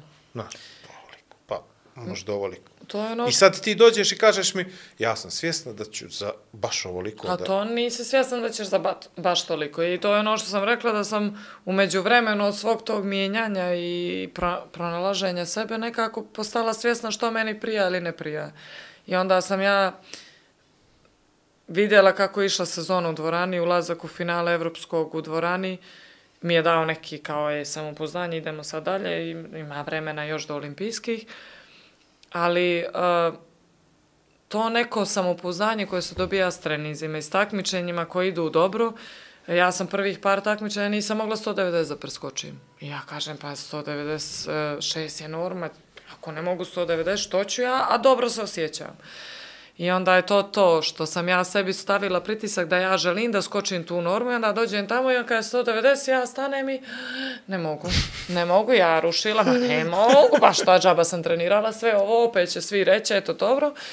I ovaj, u jednom trenutku dođem do toga da, ok, radila si za to, ajde, daj, uživaj u momentu, jer imaš to u nogama sigurno. I nikad se nije desilo do ove godine da sam ja, a, to je nešto što sam promijenila u treninzima, što sam se trudila toliko godina da promijenim da na treningu povećavam visine. To je nešto što nisam možda i mogla, nisam bila sposobna za to jer ja sam htjela da skačem preko 185 na treningu, ali ja dođem na trening i ne mogu da skočim 175. Kako da stavim 180 ako ne mogu da pređem jednu visinu? I to je nešto što sam promijenila ove godine i što možda je djelovalo na to da ja imam više samopoznanja, jer sam rekla trenerici, ako uspijem na to, nema veze, dva, tri treninga ću ja da... I to je to što nije trenerica to predložila, nego ja iz svega ovoga sam rekla, ajde možda probamo tako da ja dođem tamo i prepanem se od 190. Ako ja na treningu budem skakala 185, 190, meni neće biti to nepoznato. I nema veze ako ja možda dva, tri treninga izgubim jer neću skočiti 180, daj, treći, četvrti ću skočiti sigurno. Jer ako radimo na tome, morat ću. I tako je došlo kao da sam ja posle pred Balkansko a, skočila iz dva koraka 185 što je bilo wow i onda sam nakon, on- nakon Balkanijade do svjetskog prvenstva skočila 193 što je bilo lični Wow. rekord na trening e, wow, Wow, da, da. pa, mogu sam. Ovaj, I on, Cool, cool. što je bilo wow. Ne, meni je bilo kao ja, oskočila sam na treningu jer obično je na takmičenju veći adrenalin, više si napaljen da to uradiš, a na treningu si kao sam sa sobom i ja dođem tamo i gledam onu letvicu i opet i danas i, i, i onda je to više ti znači u tom trenutku i, ja, i samo saznanje da, da sam ja skočila 193 na treningu mi je davalo neku sigurnost da ja sam spremna makar za dva metra. I to kad nas dvije pričamo, to je tako. Prosto ako ti skočiš na treningu 193, mora biti na takmičenju više, makar 5 cm. Ako iskontrolišeš adrenalin pa te ne povuče na nešto da. drugo. A mene tako? nije povukao, možda u finalu me povukao malo. Nije adrenalin, nego više to što sam se ja u kvalifikacijama ispraznila. Što sam ja toliko to željela da uđem u finale i da ponovim 195, jer sam posle nego idem ovako ostajem Neka, na temu, ali posle, je podcast. posle uh, Balkanijade mi je prošlo kroz glavu, ovaj, pošto je to 197, pff, mislim, i već je značajnije zato što u Beranama kad je bilo, bilo je veliko jer je bilo nakon šest godina, ali nekako, ok, kući smo uvijek i ta priča, možda namješteno ili nije, nebitno kako god, ovaj, tih 197 je nekako u meni probudilo neki inat, nešto što se krilo toliko dugo i, i nakon toga sam razmišljala, ok, ako sam ja skočila sa 197 normu, a očekujemo olimpijske igre, ako je ovo bilo kaj do sad, desilo se, potrefilo se sve, ništa, ja neću skočiti ni 185, opet je sve džaba. I onda meni to bilo neko, neka nesigurnost da, ok, ako se sad sve poklopilo, da li će se poklopiti tamo, ljepše je da se poklopi tamo, ali da nisam skočila ođe, da se nije poklopilo, ne bi... Koliko su ljudi uopšte svjesni toga da ti, tebi treba toliko stvari da se poklopi i da će se poklopiti jednom i u godini? Da, možda i Ili nisu. dva puta u godini, I- jer poklopilo se dva puta u Jeste. kratkom vremenskom I taj intervalu. skok jedan je nešto što svi vide, a ja treniram i ova cura što trenira sa mnom, ona trči 100 metara prepone i isto je na Balkanijadi ostvarila, ušla je ovaj, po tablicama da ide na olimpijske igre i radimo za to, znači radimo četiri godine za olimpijske igre ili za nebitno godinu dana za to svjetsko prvenstvo i ona je otišla tamo i na startu se povrijedila. Nije uspjela da završi trku, što znači da, ok, propalo ti je sve to, druga stvar, nisi uzeo bodove sa olimpijskih igara koje nose puno bodova za sljedeću godinu. I onda ti to nekako bude kao šok. I, i uvijek je ljepše pričati o ovim stvarima kad, se, kad prođe sve dobro i kad ja sam napravila veliki uspjeh da. i lijepo. Ja, teško je kad... Zato mi nismo ni zvali prije. Pa, a nije, ali prošli teško je smo- kad... a Prošli put smo pričali, ona nije otišla u Rio, a imala si lični rekord koji zakasnila si... Da, da, da, da. zakasnila da, da. Tada si- smo mi pričali to Da. nedelju dana S- posle. Sam, pazi sad ovaj moment, znači, e, crnogorska javnost je bila kivna na Mariju Vuković zato što je ona zakasnila sa svojim ličnim rekordom jer nije uspjela da ode na Da. olimpijske igre. A slušaj, evo, kakav je to tajming sram ti ti bilo. A nisu razmišljali ni jednog trenutka kako je Mariji Vuković možda što, Što ona meni nisam on nije otišla. na je olimpijske igre. Posao. Ej, ja To ni dužnost. ljude Koliko, ispoštovala. koliko je to? E. Ostaje žal, to ću da kažem da ostaje uvijek žal posle svakog takmičenja i to taj neki moment kao nisam iskoristila i ja sam sa trenericom posle dvorane pričala, ja sam rekla ja ne želim da posle svakog takmičenja odajem eto, jo, to malo, mogla sam, a mogla sam, ako smo tre... mogla sam. I to je nešto što svih ovih godina se dešavalo, da sam ja posle svakog takmičenja osjećala to neko Vučeš ko nezadovoljstvo. repove neke, jel? Da. I onda je utiču i on- na trenažni da. proces, vjerovatno. I i zato na- ona sad često i kaže na trenizima nećemo da nas, ok, vidim da ne ide, sutra ćemo nastaviti skok Danas ili u nešto. kafanu. Danas idemo ovaj, na jedan šamar. E, dobro. pomela sad, dvoranu i otvoreno, kolika je razlika? Ogromno. Dobro, Vlado, prosti, pa evo Vlado, šta ajde, reci ti, Vlado, objasni ti meni Nije, kolika pa- ma ne, misli, tvog iskustva. Pa ne, nego samo višegodišnjeg, jel? pitaš ženu, znači Pričam kolika razlika u- ženu, u- ujutro da i popodne. Pa nije, Nije, nije. mislim, jeste kad pogledaš i rezultatski ovako, ali drugačija je podloga i, Tako i utiče to što u, na zatvorenom nemaš vjetra, nemaš nikakvih spoljašnjih, mada je na polju bolji Osjećaj. e, rekord, veći je rekord nego što je u dvorani, ali mislim da je to. Ja volim jedno i drugo, volim da skačem, međutim, u dvorani nikad nisam do ove godine skočila više. Ove godine je bilo 193 i to je nešto kao wow. Wow, opet. I to baš na 193. 193, a norma ova što sam skočila za olimpijske igre je ujedno i norma za sve tak, za sva takmičenja sljedeće godine, tako da će u Beogradu na svjetskom biti nadam se za- zanimljivo. On je pomenuo prije cikluse na pogrešan način. Ovaj, ono što me interesuje, koliko tebi to nervoza što moraš svake godine da juriš neki rezultat da bi otišao na neko takmičenje na kojem opet od tebe očekuju da ponoviš isti ili bolji rezultat. Jer ako preskačeš 196 kao normu, to ti znaš da si u finalu nekog takmičenja sa tim među 7, 8, recimo, realno, jel? Čak možda i bolje. Kao što je bilo posle ulaska u finale sad u Tokio, odmah je bila priča, prošle olimpijske igre je 197 bila medalja. Tako to je. A to je sam blagi pritisak na tebe bio. E to, mislim, blagi pritisak nije pritisak, to je u meni izazvalo nešto, u stvari neko, Wow, ljudi su počeli da se interesuju za ne atletiku. to, nego... Znaju šta je bilo su- prošli put. Ne to, okej, znaju šta je bilo, ali koliko su neupućeni na neki način, jer... Tako je. I, I da je ove godine bilo prije mjesec dana, to ne znači da, se to, da će se to ponoviti. I to je nešto što je, ovaj sport je neupi, neupuć, ljudi su Dobro. neupućeni, nisu imali prilike, ne kao oni nemaju blage veze i boli ih uva, nego možda nisu imali prilike da se susretnu sa tim što je skok u visi, koliko je to u stvari, eto, neko ko skače 2, 5, 6, može taj dan skoči 185. I što onda? Nije dobar, ta cijela godina ne valja, ali to je samo, ne ide ti zalet, pogodiš, ne pogodiš, ali... Hoćeš li mi objasniti ni nešto je- vezano za tehniku? Što moraš po tupim uglom da kreneš u zalet? Šta? Pa po tupim da? uglom, ono, znaš, kreneš A ne krećem ja. A, ne znam, mislim da krećeš. Ja ne krećeš, malo. A baš mi interesuje. Stvarno ne krećeš ti, onda sam to neđe vidio da... Ne moraš ustajati. Ne moraš Ne, ustajam, no sad ono- pokušavam sjetiti. Ne, Da, ne. Mi ti dali Ne, za par savjeta kako da malo Dobro. to... A, ne. Ali ne, inače ne. što rade to, zbog čega ono se nešto vraćaju nazad? A svako različito. Mantra, to, jel? ne, Mantra. ne, mislim da je to ono vrstu da hoćemo- Pa to hoću da te pitam u stvari. Imaš tu neku vrstu sujevjera da uh, znam da moraš brojiš korake, jel tako? Da, je određeni. Ja skačem sa 6 plus 4 sa ufurom. Ufur je ono kao malo Da, da. leteći start. Ufur. Da. Ako nisi znao skip, ufur. znači skip, skip, skip lagani, Kroz tebe gledam nešto. skip lagani, znači skip lagani, šest koraka određene dužine, Ufur. Pa četiri, ne, ufur je skip. Četiri je ovako kao manja i onda šest. I onda šest. Dobro. Taka, taka, taka, taka. I kako si ti došao do toga da je to baš to? Pa eto, tako su Rekao me naučili.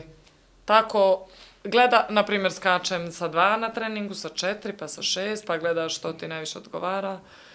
I meni više odgovara ako imam, pa ne imam, ne znam, ali to smo došli do zaključka da je to, na primjer, da kad sam bila u Švedskoj, skakala sam sa devet koraka. Što je, na primjer, bilo mi ok, ali opet je nelogično jer krećem s drugom nogom, završavam sa, sa live odraza, sa desnom krećem i tako nekako. Viš da je mnogo Ali nema, nema nego što izgleda. Nego što si ti rekla da ne znam. Da, to. ne znam. Ali ovaj, mislim da nema razloga to što si me pitao da li sam sujevjerna, nisam sujevjerna, jer ako vjeruješ, ne možeš Znači, biti no, sujevjeran. Mijenjaš dresove i to, čarape i to, nije ti bitno. A imam tako dobro neke stvarčice što volim, ne kao sujevjerna sam, nego volim da bude nešto što, ako sam skočila, na primjer, lični rekord, a nisam, ali ne gledam Ne, ne, to ne, tako, ne, ne, nego da. volim. Tako ako je, da. mislim da će mi, ne kao mislim pomoći će mi, jer sam ukapirala stotinu puta da sam nosila tu istu stvar što sam skočila rekord, a skočila sam posle, niđe veze, nisam. Tako je. Nije do čarapa, hoćeš to Nije da do kažeš. čarapa i nije do topa, nego je do stanja uma. Ali voliš. dana. Ali volim. Ali Volim, volim da go neke stvari iste. Onda A, na primjer, to skočiš, ono, opereš li ga poslije ili... Ne, ne, ne, ne, ne, nego ne. to je to, jel? Ne, Dok znači ne, ja sad ovaj olimpijskih ne pereš. nisam ga prala posle. ovaj. Uramila ga. Dobro, može Ja sam, valjati. da, ne, ne, ja ću u njemu i cijele godine sledeće skakat. Ja, Ja ne perem, ja se u stvari kupam samo na, za praznike. Samo se pravi. A umeđu vremenu, ako nešto loše Zato, skočiš, onda zato se smo mi okupaš za zamislili kaznu. ovo Ka, distancu. kazna mi je to, pa ajde malo da sperem to sa se. Vidi, Vlado, ovaj razgovor ide u toku kako sam baš zamišljao. ne, ne, Znaš, ne. Nažalost svih, uključujući i mene. A dakle ovako, imamo jednu teoriju, nisi prva koja je bila na olimpijskim igrama, tako da ne poletiš odmah Stvarno? sad. Da, ovdje kod nas u podcastu. Ovaj, mislim, ne od nas dvojice, nismo mi bili, nego pričali su na ljudi koji su bili. Uglavnom, ja sam neđe prije Dobar. par godina razvio teoriju jednu, a to je da sportisti se najviše raduju olimpijskim igrama zato što je tamo besplatan McDonald's. Da li je to istina? Pa evo ove godine nije bilo McDonald'sa, na primjer. Če si ti bilo? Ja, Boga mi, u Tokiju. igre? Evo, neka ti... Stvarno E, nije bilo? Ko ti je bio s olimpijskih ove godine? Isto, ko nam je bio? Vlado, pomozi. Niko, eto, niko. Znači, ove godine nije, Eto, niko. Znači dobro, da je tvoja korona. teorija... Korona, Dobro, pa pazi, korona. nisu znali da neće biti. Jesi ti Ja znala sam- prije četiri godine da neće biti McDonald's u Tokiju? Ali Ne. radovala si se, pa Radovala nisi sam znala. se. Ja Pa sam eto, 2000... Zato su ljudi bio razočarani Peking, sad. Olim, e, 12. olimpijske- 2012. išla na olimpijske igre kao mlada nada. Ovaj, I tamo su nas poveli u olimpijsko selo. Ja sam se stvarno oduševila McDonald's. Jesam. Kao vidi, olimpijsko selo imaju McDonald's. Oni imaju sve u stvari. Tako je. Ali vidiš. nije to, ne, loša ti je teorija. Dobro, nego, zbog čega se ljudi, zbog čega sportisti tako raduju? Evo, dobra ti je to. McDonald's ipak. Htjedoh reći, ali ne, ne, ne, ne znam. Evo, ja svako malo ne znam, u stvari odgovorim na pitanje. Mislim da mi je to loša uzrečica u stvari. A U stvari ti pa inače loša uzrečica. Jes. Imaš i u stvari, ne znam. I u stvari ne znam, ne. E, ovaj, i tako. generalno, pitan generalno, o, o, uopšteno. Za, Šta je specifično Ja kod olimpijskih igara osim što se takmičiš sa vrhunskim sportistima? Protiv- Specifično je to što su svi sportovi na jednom i što si u mogućnosti, ja sam bila, na primjer, pošto su ovo moje prve olimpijske igre, a, bila u mogućnosti da vidim toliko divnih sportista koji se ponašaju kao obični smrtnici, što bi se reklo, a u stvari a, su imena velika i, i lijepo je, lijepo je vidjeti da su svi To jedno. na priča menza, stojite... Kad vidiš da. u Menzi ili u olimpijskom selu, pošto ove godine i vjerovatno je drugačije nego svih ostalih olimpijskih igara zbog korone i zbog svih tih a, mjera koje smo imali, ali opet ja sam uspjela da doživim tako neke doživljaje koje doživljaje, tako neke događaje koje nisam bila u prilici i, na primjer, sestra koja je rekla što se nisi slikala s nekim košarkašima i to. Ja rekao, hoću sad ljude u menzi, traži da se slikam s njim, jedino mi je bilo kao žao što nisam se slikala sa Đokovićem, jer sam došla kasnije, jer je skoko Pomenuli vis smo. bio. E, da smo imali, ne, ne, nebitno je skroz, no evo Sad će mi vidiš, doći friend request od Novaka Đokovića na Facebook, tačno čim ga pomenemo. njega smo danas je. on treba da gostuje, Stvarno. da, ali smo ga pomjerili zbog tebe. Ovaj, Ma, sad se sprda. da, tako da, ne mogu ne, imamo interč. ovoga čovjeka. Znaš kako? Nemoj sada si... Novače, I, i samo ne... Novače, Pazi, I još da. jednom izvinjenje, stvarno, opet nismo mogli da se Jedan saglasimo momak, oko termina. atletičar, atletičar me pitao, sad sam otišla na dva dana u Beograd i ja došla, pošto sam posle olimpijskih dobila follow od Novaka Đokovića i to je sad neš, ljudi počeli da mi pišu, ja rekao ja tog čovjeka jer je stvarno ime i ljudi napratimo i haha, i, i ja ne znam kako je on mene zapratio, ja sam mislila da to neko vodi umjesto PR njega. služba, da. Dobro. Ne znam. I sad ja prva stvar što dolazim nije mi ni rekao, a Jesse, kako si viče, samo mi reci kako je tebe Novak Đoković zapratio na Instagram. Ja rekao, pa prijatelju moj, pa ne znam što da ti kažem. Postala sam, dobila sam plavi štrik. Sad sam, Sad si ono famous, jel? E. A ko ti je to završio, reci mi? Pa, moj finale olimpijskih igara. Jel? I onda nisi morala, Vlado, moramo nisi da morala treniramo, sama da šalješ, jel? Nego Vlado, su ti se sami E, sjetili, jel? Ja sam no tražio, odbili su me, ko si ti? Ovo ti, ovo ti Ja interna fora tražila. za Đokovića, znaš, jer kad smo pričali nešto kako treba da, vidi, da nas vidi što više ljudi, nemam pojma, krenuli su ti razni predlozi, onda smo, brainstorming je bio, valjalo bi možda da nam gostuje Novak Đoković, tako Pa što je. da E, ne. On mi je... A on sad djeluje- razmišljamo da li bi nam valjalo. ukapirali, sad. Dobar je on, dobar, da dobar mi je. jedno, ja već u dvije godine, ja mislim, ponavljam, i svaku epizodu se zvine A ovo Novaku traje dvije Đoković. godine već ovaj podcast, jel? E, peta sezona, do mene, nebitni, potpuno. Ali on me, izvini što te pregledam, ali ti me vučeš, jer ti tako bacaš fore, ja moram, ja volim tako Jesi da li se rekla, šalim. ili si rekla da baca fore? ti rekla da Neće bacam moći da fore? se živi od njega sad. Ne mislim, hoću Moraš da bira. o, kakav spontani aplauz objektivne. Ni... da... Kako treće da me gleda. Trepno je kao ja, kako se sreću. Ali jeste, ti... Ali nije. Maj, evo. Šteta što nemamo krupno na njega da se vidi koliko se zacrveni Jes, od muke. jes, ovo- Ne, dobro, ovo će sve šaju postoji u color korekciju, da korek, korektivno A, boga mi bi trebala tebe na kantu Ja moram ti objasniti ovo za, za Novaka. Ja moram da objasnim nešto za Novaka, zato što smo prošli put se također izvinuli Novaku dok je bio ovaj gospodin pomenuti. Ovaj, Mladen Rakčević. Mladen Rakčević preko puta. Ma nisam, Dobro, dobro, dozvoli. I, on, I on je rekao, a Novak vam je gost, jel? Jel, jel? Da, on je mislio da je to kao... Ali on, on okej, mislio to, ja, ja se ja izvinuo, Možemo još jednom mi što, to. nije, što nismo mogli da, zbog mladena. I to, i on, i on za on je kao bitan, jel, ono, da. Uglavnom, neđe je bila ideja, ajmo mi jedno dvije godine da pričamo, prozivamo svaku epizodu novog, da mu se izvinjavamo, što ne možda Možda nađemo će on vremena. I reći, možda vidi. neko ovo izmontira i kad pušti Pa jedno evo ja ću 30 šerovat, pošto epizoda. sam sad plavi štrik, pa će možda on to, jer me prati. taj dio. Pa, Ali nemoj ti mi pošalji to. Da izmontiramo to kako se mi njemu izvinjavamo dvije godine, onda će ja ću šerovati, pošto... Ej, Ti I onda ćeš. on to vidi. A? Ti Ti ćeš. ćeš. Šajo Ti će. ćeš izmontirati taj dio. Šajoć, Ajo. neće, evo, Neće, eto, vidi, neće, neće, neće ništa. niko, neće niko. A da, zvaću ja. Novaka po Zovi ga, vidi, vidi, ali Što? nemoj nešto preći rano, ne, baš nebitan Reću zbog Igora, ne Reci- zbog Vlada, no aj Igor. Slušaj, evo, da vas prekinem, nisi više mlada sportistkinja. Sad si pomenula to kao izraz. Ovaj, I kao stanje uma to Peking i ne znam nije, ali prošlog da. Pekinga... Ali prošlo od Pekinga dosta. Jer razmišljaš šta dalje, šta sutra. Razmišljam, ja sam posle olimpijskih igara ovaj, nekako odlučila da razmišljam u tom smislu treba štediti. Treba štediti pare, neće se, mislim nije samo u parama, ali generalno ne bih voljela da se vratim i da živim s roditeljima i da ništa ne radim u životu, jer ovaj, posle svega ovoga što sam prošla, mislim da treba da imam nešto svoje i da, da je sad vrijeme, eto, Bože zdravlja, do Pariza, da se još naprave nekih rezultata, da se dođe do tih dva metra koja, ovaj neki plan trenutni koji imamo. A nakon toga, eto, fakultet imam završen, što ćemo raditi? Šta završila ću- Ja ti? sam završila za vaspitača. Ja ću biti vaspitačica. pitam, Možda se nikad neću baviti... metra. Ovo ti fali do dva metra. Do dva metra, meni u visini moje fali sedam, Ne, da bi preskočila. fali se tri centimetra. A, jesi Ali mislila to da ti kupiš- nije 3 cm, to ti je još, znači 197, pa još 3. Dobro, a te Sad pitam nešto. baci foru. A da uzmeš A hoće, pa malo znam. patike s većim džonom. Jesi razmišljao o tome? Ne, ja misla Fejdere da bacim. Ne, no sprinterice mala, ne, to, to je... Slušaj, to je završila malo. si fakultet za vaspitača, zašto? Zbog čega?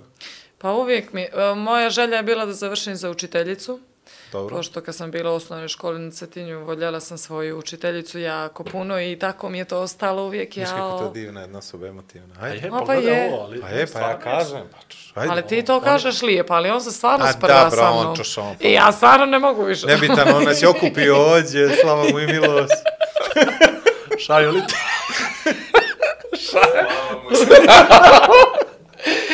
Dobro. O, I to mi je uvijek neka želja bila i stvarno kad sam otišla u Novi Sad, htjela sam, a s obzirom da u Novom Sadu nema učiteljskog fakulteta, ovaj, završila sam visoku strukovnu školu za obrazovanje vaspitača.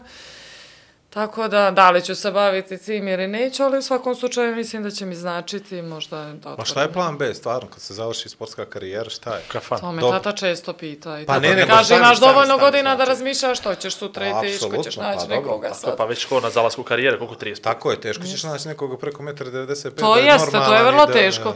Svi visoki momci preko 190. Frederik već mi pošao. Ovo treću. ti daj, Ne, ne, ovo ide sve. Ali slušaj ovo, baš mi interesuje to, jer imaš ti sad ta pitanja, s obzirom da si vrhunska Ja imam pitanja. sportski, ali to dođe kući pa ti kažu kad ćeš mare da se Nije, udaješ, moji kad su lagani. A znam da i su moji tvoji I lagani, mislim ali... da su lagani, ali da se oni pitaju to često. Ali ja isto Šta mislim- se Da, vas Da, ono dvije... kad ideš preko puta, Jeste. kad, kad Ja zatvoriš mislim- vrata, Ja oni... mislim da oni budu u Ali ja fazonu mislim da su sama oni super, krivi. super. Što ne stavi neki veći pritisak na tebe za to. Jeste. Znaš, zato što si lagan i onda ti imaš osjećaj da Ne, to ne, što ti oni, radiš ja je mislim dobro. da oni, ja osjetim sad taj pritisak kući. Ja osjetim u stvari da oni kažu svi u našoj porodici, svi tamo eno preko svijeta, svi djecu eno trudne, eno se ona od babe, od strine, sve, a vas dvije što radite za svojim životom, evo ne znam, ova skače, ova to baš nešto igrala, ali dobro, eto, bože moj, ja sam rekla majko i tato, na, majke i tato, majke i tato, mi smo imali ovaj drugačiji očigledno poziv i ja se iskreno nadam da će i to doći jednog dana i da će oni poživjeti da to dočekaju. Je iskreno to se lijepo. nadam. Ali vidi, ovaj, stalno skačemo s teme na temu. To je lijepo, ali... To je lijepo, ali je, to je bilo moj sad o tome, eno, da se mi malo sprdamo. Ajde, reci, reci, reci ne, sad. ne, ne, ne, ne. Nego- Ovaj, ne, ne kaže. Dobro, teško je stvarno saglasiti, pogotovo kod, kod žena i profesionalnog sporta i evo imamo, na našu sreću imamo, imamo naše rukometišice ovdje u Podgorici koje su, eto, krem de la krem jednog vrhunskog jela sporta i onda puno ih poznajemo lično po porodično, kroz prijateljstva i znamo koliko je njima teško bilo u tim momentima kad su trebale se odluče za porodicu ili za poziv. I kako je malo njih, ma, ne znam, da li je neka uspjela, ti sad svaka da li je neka uspjela da, da oformi porodicu i bavi se na vrhunskom nivou. I obično je to kraj karijere, nažalost, eh, profesionalnog sporti, sportkistkinje, jel, sportistkinje. A, Sportiste nešto- generalno. e. Pa dobro, muškarcima je dosta lakše. Gleda Federera i Novaka, baš se nešto nisu, nešto Pa pođe dobro, C, malo- žene očigledno očekuje sad idu za Tako muškarcima, ali ako je... Tako da i ovaj, A okej, nije ti imaš, taj- ti imaš sva opravdanja ovoga svijeta. I ne stvarno znam, imaš. meni tata kaže često da, da ću ovaj, teško da nađem nekoga jer ću se teško navići na, pošto sam u većini slučajeva sama i toliko sam promijenila i to, Znači, ali... bukvalno mi ukrao pitanje tvoj tata. Da, Ajde. tata zna, tata je Ali vidi, to nije pametan, problem i samo tebe i zato što si sportista. To Jer je ti si problem sad većine Vuk djevojaka. samotnjak i neko ko se I navikao teško, na... ja gledam i sad, ja volim da budem u društvu, ali kad dođe do da. te druge strane sam ja toliko lagana da kao sve drugarski na neku stranu, ali opet mislim da je, ovaj, dosta često se pitam u čemu je problem. Što, zašto je to, zašto sam ja tako, što se ne može naći neko da bude Princ sa mnom, jer je, dobro, princ iz bajke, ali sad Pa, ali da bude 95, neko, i mislim se- da je ljepše da, da bude, da imaš nekog pored sebe, da podijeliš sve to što ti je lijepo. I onda sam dosta se često pitala da li što je problem u meni, zašto, jesam ja previše lagana, opuštena ili možda naporna ili ovakva ili onakva, ali u stvari smatram da mislim generalno ili se bar trudim da to vidim kao neko opravdanje ili izgovor, da ta druga strana, muška, treba da bude dovoljno jaka da mene prati posle svega ovoga što sam ja prošla, da treba neko ko ima samopouzdanje i koji zna šta hoće. Jer ja očigledno Ma možda ne znam neke mora stvari. da bude i širina, zato što Jeste. prvo da shvati tvoj poziv, da nije I da to, to, normalno. nije, da, da nije Mislim, nešto što je klasika i svaki, svakodnevno, da. to Makar još koju godinu, a za... I opet s druge strane kažem, nekad se opteretim s tipa, često ovaj, svi Otini se sprdaju i ja se često šalim na svoj račun, pošto su Grci lagani s tim u suštini, oni nemaju problem s visinom i kod njih je to okej, na primjer. I onda kaže, pa zašto? Pa ti imaš problema u glavi. Ja kažem, pa ja nemam problem, možda imam i problem u glavi, ali ne volim. Ljepše je kad je muškarac viši od žene i mislim da muškarcu isto to imponuje ako je muškarac viši od žene i to je nešto čega se ja držim. Džaba, džaba može biti najljepši na svijet, ali ako je niži, ja ću reći, ali... Ali malo samo, brate, mini, što nisi? Te I onda, i i onda to, sve propada u uvodu i ne znam, ne mogu prosto... Reći ti to na glas ili u sebe? A ja i naglas, ja sam A, lagana. E, onda stvarno propane. I onda propane. Mogu da se, mogu I da onda- se složim s tobom. mogu da se složim s tobom. Dobro, pazi, treba malo se zagrijem, razumiješ? Ali ja kažem to ako vidim da okej, neću reći stvarno ako, ali o, u suštini obično kažem jer nemam problema, mislim da treba realno biti otvoren. Što zavlačit nekoga? Pa ne, nego to je, a bolje prije nego kasnije u svakom Jeste, slučaju. ali teško je, teško je naći nekog visokog, normalnog visokog. Ja, kad završite s ljubavnim jadima, ja bih se vratio jednoj temi koja... Ja ih Ali nemam, zašto? realno. zašto? Zašto? Za- Ovo je potpuno ak... mu ponovo sam. Što kažu, aktuelna i akutna tema. Ovaj, a, ali to je... Pot... se, Pazi, o šalimo tome- se sad ovom ne, prilikom. Ne, šalim se. Što, Mislim, šalimo se, ali smo ozbiljni, u svakoj šali pola istine. Ne, nego ozbiljni smo zato što A ljudi ne kapiraju da, da to postoji kao problem. A jel' stranac? Ne. Si- Može li to kod tebe? Si, šta? Stranac. Pa ako je viši, možda ako bi se desilo, Znači, ali tebi pošto- se sve svodi na to da je muško Ali i da je nije visočije, samo jel tako? to, pa nije Pazi, samo to je to. prednost. To je eliminacioni faktor. stani, Muško to- Ali Visočije. mora biti visočije, viši, Visočije, viši. viši. Ti si 193. Njemu je više od- Ja sam 193. Da. Znači, Znači, on mora biti viši, momci. Momci, kamera broj 1, Rekla je ali to piše već 3. pet puta. Dogovori se, evo, ova, evo. Rekla je pet puta. Ja sam rekla, neću što je bio, SOS, napiši da broj. 195 je rekla već pet puta. Ali ona je 193. Pa dobro, pa to. Ne nosim štikle, ne nosim štikle, evo, sreća. Patike, lagana pričica i eto, ako ste 190. opušteni i veseli, nasmijani i ako imate harizmu i zanimljivi ste. Iako nema ili neki drugi hobi imate. Javite hoćete se. stvarno iscijeći? Nećemo, nećemo, nećemo. Hoćete? Ne, ali ne, Nećemo, ide... bilo ne, bi nam baš mislim, mi bi drago da sjekli. nađeš nekog iz podcasta. Mi bi ovo sjekli, nego ide nisam live. našao. Ja ću vam javiti ako se neko javi zbog podcasta. Podcast. Da, o, e, go, stavite nas u CC i uzimamo procenu. Sutra Čeci ćemo dati imena Igor i Vlad.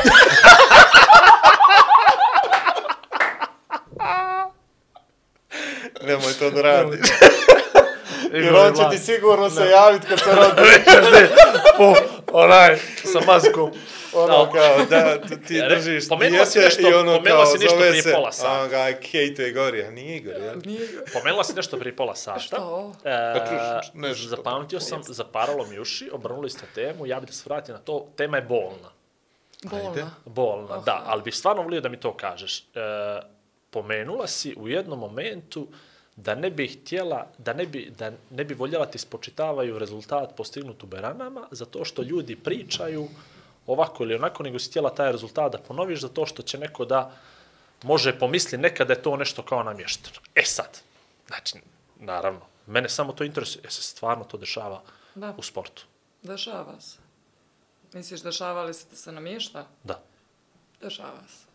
Ja isto nisam bila svjesna toga i sjećam se kad sam tek počela, kad sam bila juniorka, dok sam bila kod nastavnika Iva, pa kad sam počela da skačem 168 ili 173, što je tada bio rekord Crne Gore, da su svi pričali da nastavnik stavlja tamo letvicu, pa na meni namješta, dok ja ne odem, na primjer, u Zenicu je tada bilo ili neko kao međunarodno takmičenje i ja skočim dobro i onda nemaju. I onda sam zato od tada još povukla to da volim više da skočim, ne kao ne bih voljela ovdje da skočim isto toliko, ali nešto što je značajnije, volim da skočim van Crne Gore kako ne bi Stvari, se ti dovodilo. nisi prisustovala, ali neko ti priča iza Da, leđa da neko je... i to su česte priča i za druge stvari, dosta drugih stvari sam čula. Jako skoku vis, na primjer, ne možeš baš toliko Dosta da, je- da, da, dosta je- možeš dosta je- 2-3 može se. centimetra, što je okej, ako nekome To baš okej, treba. to je- to je- Ali, na primjer, za druge discipline vjerojatno može. Mislim, ok. I to će ljudi uvijek pričati, to će ostati tako, ja se Je li to samo da- što ljudi pričaju stvarno? Misliš da se to dešava? Znači, to je pitanje bilo, ti si to rekla, Pa dobro, okej, ne znam, kamera bila uključena na tebe, ali ona je rekla da. Ne, ona je rekla, ma ne. Ma ne, aha, ma ne, ne. Ovaj, Koliko je to problem? Da ti sutra, na primjer, ne možeš da skočiš u Beranama dva metra i da posle imaš s glavom problema, e, ja sam u Beranama, nisam u Parizu. Ali mislim da se to dešava ako neko... Ne, nego kažem koliko to tebi može da bude problem da ti sutra imaš takmičenje u Beranama, skočiš dva metra, onda kažeš samoj sebi, ja sutra će svi da me razvuku, to sam skočila u Beranama, možda neko misli da je to neko tamo fingirao.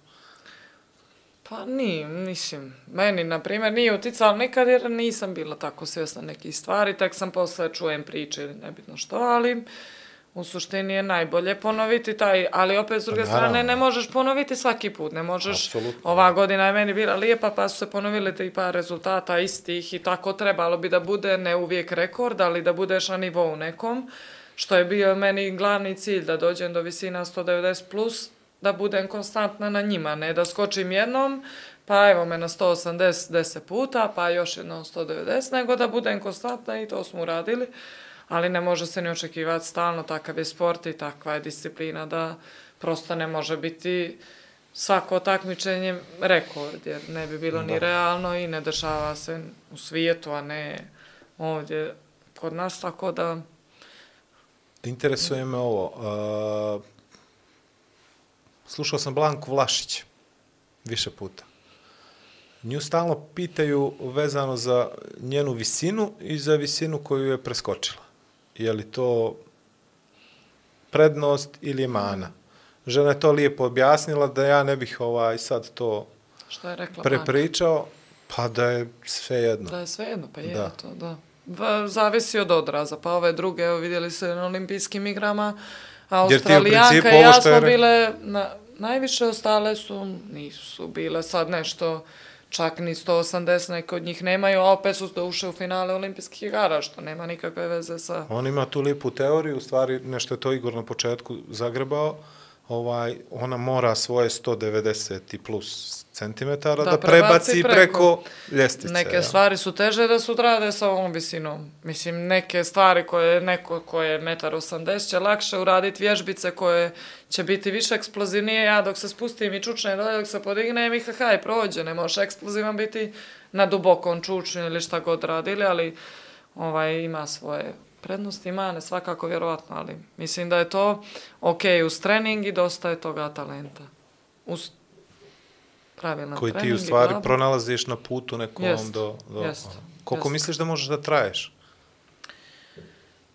Ako imaš neka uporedna iskustva, pričala se s nekim sigurno, Pa bez eto, obzira... Blanka Vlašić je kao neki tu isto... Ne, samo što je Blanku pojele su baš dobro povrede, je tako? Povrede su je pojele zadnjih par godina i to ona je, ja i dalje mislim da je Blanka neko ko je skokovi podigao na veći nivo i do prije Blanke Vlašić se nije toliko znalo skoku. Mislim. Imali i smo onu Štefku mišljenje. Kostadinovu i Ok, to je bila priča rekord neka i da kao, rekord, ali da. Blanka Vlašić kao Blanka koja je unijela neku vedrinu u skoku. Unutrašnja i spoljna Jeste, ljepota, jeste, spoljašnja, jeste. da. I napravila je da skokovis izgleda zanimljivo i da ljudi žele da ga gledaju, jer posle toga, kad je ona prestala, došla je ova Ruskinja koja nije imala nikakvu emociju. Nikakvu ja harizmu, sam dugo vremena kao govorila kao, kraljica. okej, skače ona i nema veze, ali skoči, ona je nezadovoljna sa 2.6, što je, wow, Blanka je na tome uživala i koliko god da je skočila, pokazivala emociju, a to je jedno vrijeme skokuvis bio bez emocija. Zato ja mislim i nakon olimpijskih igara, pošto sam ostala tamo i sjedila sam cijelo vrijeme i gledala,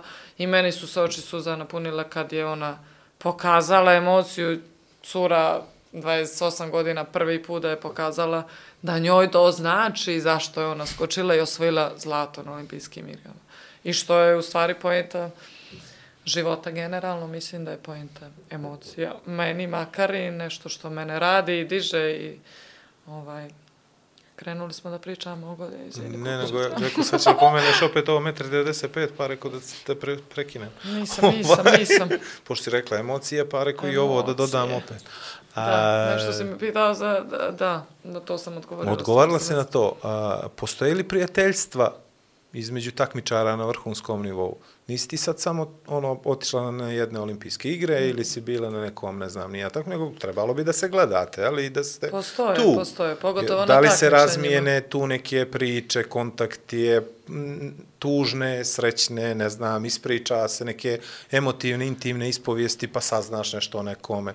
Koliko su ljudi sa strane, na primjer, spremni da ti ispričaju nešto što eto, možda tebe ne dotiče, ne zanima to u datom Mhm. trenutku, ali žele da ispričaju nekom strancu ili eventualno da iskoriste da se bolje upoznate. Na primjer, muški su u tom smislu, na primjer, skok u vis, imamo mitinge gdje je samo skok u vis. I tu smo se malo više, vjerovatno mi, sprijateljili, da tako kažem, i dosta godina ja sam takmičila, ali pošto nisam bila na nivou, nekako sam se ja uvijek odvajala u ono baš što smo pričali da ja nisam imala samopouzdanje i van toga ako ne skačem ja nema potrebe da se Da ti tu ne pripadaš, jel da, to? kao Da, ja da. ne pripadam tu, jako sam se našla dobila poziv za takmičenje, ja nisam dovoljno dobra, na primjer, za njih. I do prije dvije godine kad bili smo na jednom takmičenju i sad muški i ženski skok u visi, obično, i to je obično dvorana takmičenje. I ja sam skočila ok, dobro, za mene to bilo dobro, ne znam koja sam bila možda druga, treća i krenuli su napolje i sad je mene pitao jedan ovaj, skakač iz, iz, Meksika, kaže, a što se ti nikad ne družiš sa nama? On je mene to pitao kao što ja neću s njima. I ja kao njega pogledala po zonu, pa nije da ja neću s vama, nego sam ja tako... I stvarno su i oni kao, mi smo uvijek tebe gledali, kao ti si super i djeluješ nam baš zanimljivo, ali ti nikad nećeš s nama. Ja kao pozvonu kako ja neću s njima, sad ispade ja nekako, eh, izvinite mi, neću, Priča a ja... života, znači. Jel da? Original, pronalazim se u tom. Svi misle se ja nešto, ja bi se svima da se druži, niko neće sa mnom da se druži. A to sam ja jednom sam imala priliku... Ja ođa socijalan, vidim. Ne, da ne, ja sam ne, imala ja, jednom priliku, jedan momak, jedan momak, nego sad prelazimo, uglavnom mi se družimo i to sam ja ukapirala da ovaj, samo treba malo pokrenuti sa, s- i onda smo ukapirale mi ženske koje skačemo da su to sve isti problemi. Oko kilaže, oko psihe, da li ne, da svi sa, sa istim problemima nosimo i da je to samo Da imate pitanje mnogo zajedničkih, zajedničkih tema. i A- gdje god da se nalazimo da je svaka na tema. neki A koliko način. izlazite van tog okvira, na primjer, sportskoga, nego da pričate o nekim... Pa sa nekima smo dobri, imamo par njih, na primjer ja sam u Atini sa curom s kojom treniram, ovaj, s njom i živim, tako Pa, da, da, to je normalno. ovaj, ono, i ovako znamo privatno i lijepo, ali Proputovala zavisi. si svijeta. Da, Gdje ti je bilo lijepo? Najljepše? Ako kažeš na Cetinje, gađat ću te. Da, tamo meriš u lip. na Cetinje volim da odem, volim Dobro, da znam, odem da vidim moje, ali to ne, sam ne, se ne, ja ne, ne, to više od ja par dana, ne, nažalost, ovaj, ovo, tako, šta god, volim otići, volim posjetiti, biti s mojima, ovaj, ali šta znam, mislim da mi je Atina sad nekako... Volim Novi Sad, u stvari ne, šta ja izvodim, Novi Sad. Novi Sad. Novi Sad je moj grad. Ima jedna kafana u Novom Sadu. Četvrti put, četvrti put. A dobro. Četvrti put. Reće da sam Fokus alkoholičarka, ali ja fokus je oko nisam. ovih bitnih stvari. Hoćemo li mi po jedno, pa je. Ajde, Šajo, Šalim prebaci se. na, na neku drugu kameru. Prebaci na Šajo! vlada. Prebaci na vlada. A gdje na vlada? Gdje na vlada? Evo na mene. Ovaj, ali ovo, Pa šalim ovo se, mi šalim se. Novi Sad je, evo, Pozdravljamo jeste, jeste, E, da, jeste. koliko ti je Ja sam uvijek Ti si zbog ovoga došla, ali stvarno zbog... Što me preskačeš? Ajde, stvarno. Mi smo se dogovarali za podcast mnogo ranije pred ovu nagradu. Stani, sad ja moram da pričam, sad su ona dranska pauza, gdje ja moram da pričam, a vi? Bulina. Ne, ja neću ništa, ne mogu ništa danas. On vodicu. Tako je. Uh, ovaj, koliko ti je bitno to sad u... Hvala. Aj živjeli. Ajde, Ajde, živjeli. zdravo. Ćemo li ovako, evo ispadne. ajde, toga, tebe. ajde. Opa. Koliko ti stvarno... Što je ovo? Pričaj. I onda mi kažu što ne izlaziš, kako Hoće li ću? ovo stvarno ići? Hoće, ćeš, hoće li, Ne, hoće li ići. Sve ide, ajde. Nema kidanja. Marija, znaš kada će sponzor da napraviš poslije ovo? Nisi svjesna. Krenula sam da pričam prije što, ovo što si rekao, ovo je priča mog života, ja sam jednog upoznala jednog momka i nebitno, i mi smo počeli tako da pričam, ništa, vidi se tu kao nešto ima Vidi i se nema da- pojma, ja rekao, ja tebe znam odavno, što ti tako nikad... ni- A ja sam tako gledao tvoj Instagram i ti si baš meni tako, ti si poznata i tako si mi djelovala, ono, ne kao da sam u, uobražena, ali kao ne može mi se prići. Nedostupno, da. Ja rekao, kako? Ja, ja koja smatram da moj Instagram u fazonu baš ono lagano skroz priča. Ali eto, onda sam ukapirala da u stvari... Ne, ne, ne, ne, ne. To je to. To je to. Ljudi se boje. Nemojte se bojati. Ako imate preko... Priđi, slobodno mi priđi. Majko, opet sam se vratila Kreni, na uši. korak. Slobodno kreni. I nema veze ako si... Ako... Čak i ako si niži, ja Ne, ću ti ne, reći, ne, ja ću ne. ti facu reći I za to ako lice. budeš odbijen, nemoj mi prići. se... Hoću iz Hoću daleka iz daleka da vidim tvoje da oka. želim... O, strašno. Jer Nije sreća dobro, je nije lijepa. dobro. Samo dok se... Samo dok se čeka. Odjava moje zao. Ne, ne, či imamo strašnih pitanja. Šta imamo, kuku Sljedeće majko? pitanje. Izvini, majko, doću na večeru, evo. Ovako, Možda. jedno... da, šali se neću. Ne, ne, ovo je kada sam sad, aha, lagani Ovaj. ste to tamo. Dobro. E, O, nagrada. skupaš pare. Ne, stani, samo sekund, skuplja pare za kafanu. Dobro, jel to stvarno bi se bavila tim biznisom? se bavila Ali to, to će te pitam posle. A nagrada, Za- šta? ovako kad ti dođe nagrada, kad te, koliko ti je bitno?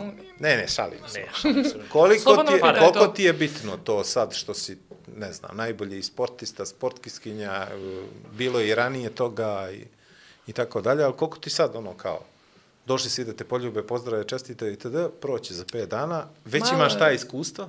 Imam, imam. I malo je drugačije malo- ovog puta, zato E, to što da, to mi reci. je donošen novi zakon, ovaj, Imaš gdje, gdje ću imati penziju nakon 35. godine. Nećeš imati penziju ni da jaki bog, nego ćeš imati Nadok- nadoknadu nadoknadu. za vrhunski Okej, sportski neka rezultat. Bude, kako god da bude, ja sam rekla da je ovo nekako na taj način, svakako je lijep povod i lijep, lijepa je nagrada biti najbolji u svojoj državi, jel te? Imponuje i ali ovo je nekako dodatno, mislim da je obradovalo više majku i tatu.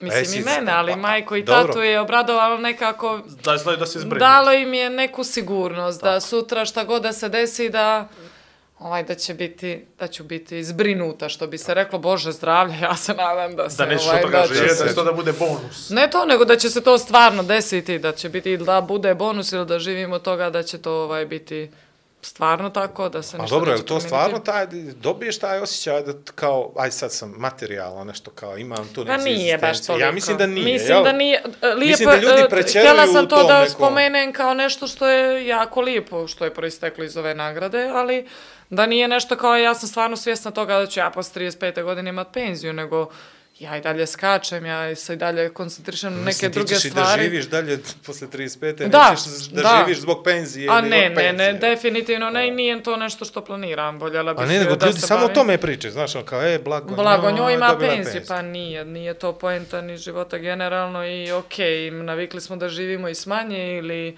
šta god opet ako ti je stanje uma na nekom nivou i može, okej, pare trebaju nam svima i Apsolutno. moramo ih imati da bismo funkcionisali generalno, ali, Ali to ću da čujemo od tebe da nisu najbitnije. jel? nisu najbitnije i definitivno sad smo, um, prisustvovala sam i kao ambasadorka jednom projektu da um, spriječimo mržnju i da širimo ljubav, što je jedan divan povod i bila sam kao nesigurna šta ću ja sad tamo kao Ovaj, ali sam se jako oduševila kad sam došla i prisustvovala tom projektu koji je divan i tu je ne znam ko je pričao tačno, ali je rekao, mislim da smo mi generalno nesrećni da širimo mržnju ako smo siromašni, u smislu ako nemamo para. Ja sam pomislila da u stvari nije tako.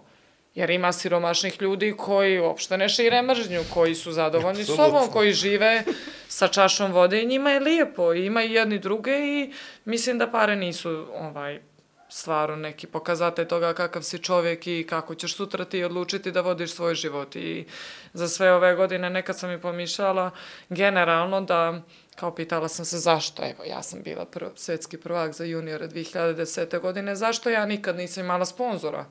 Zašto nikad nisam mala Nike ili Adidas, zašto ovo, zašto ono, pa eto, nekad dođu ti dani, pa ja kažem, majke, ima para, u stvari nemaš za neke možda osnovne stvari. Onda sam se pitala, onda sam posle, vremenom, ovaj, mislim generalno da sam došla do tog zaključka da, da možda i ne treba da imam, jer možda bi se ja promijenila u smislu ako sam ja da sam imala Hoćeš para, možda da bi ja bila daj kafana, ovo, A i mislim ne možda bi bi tada, niži ali- mogli da prođu, jel? možda.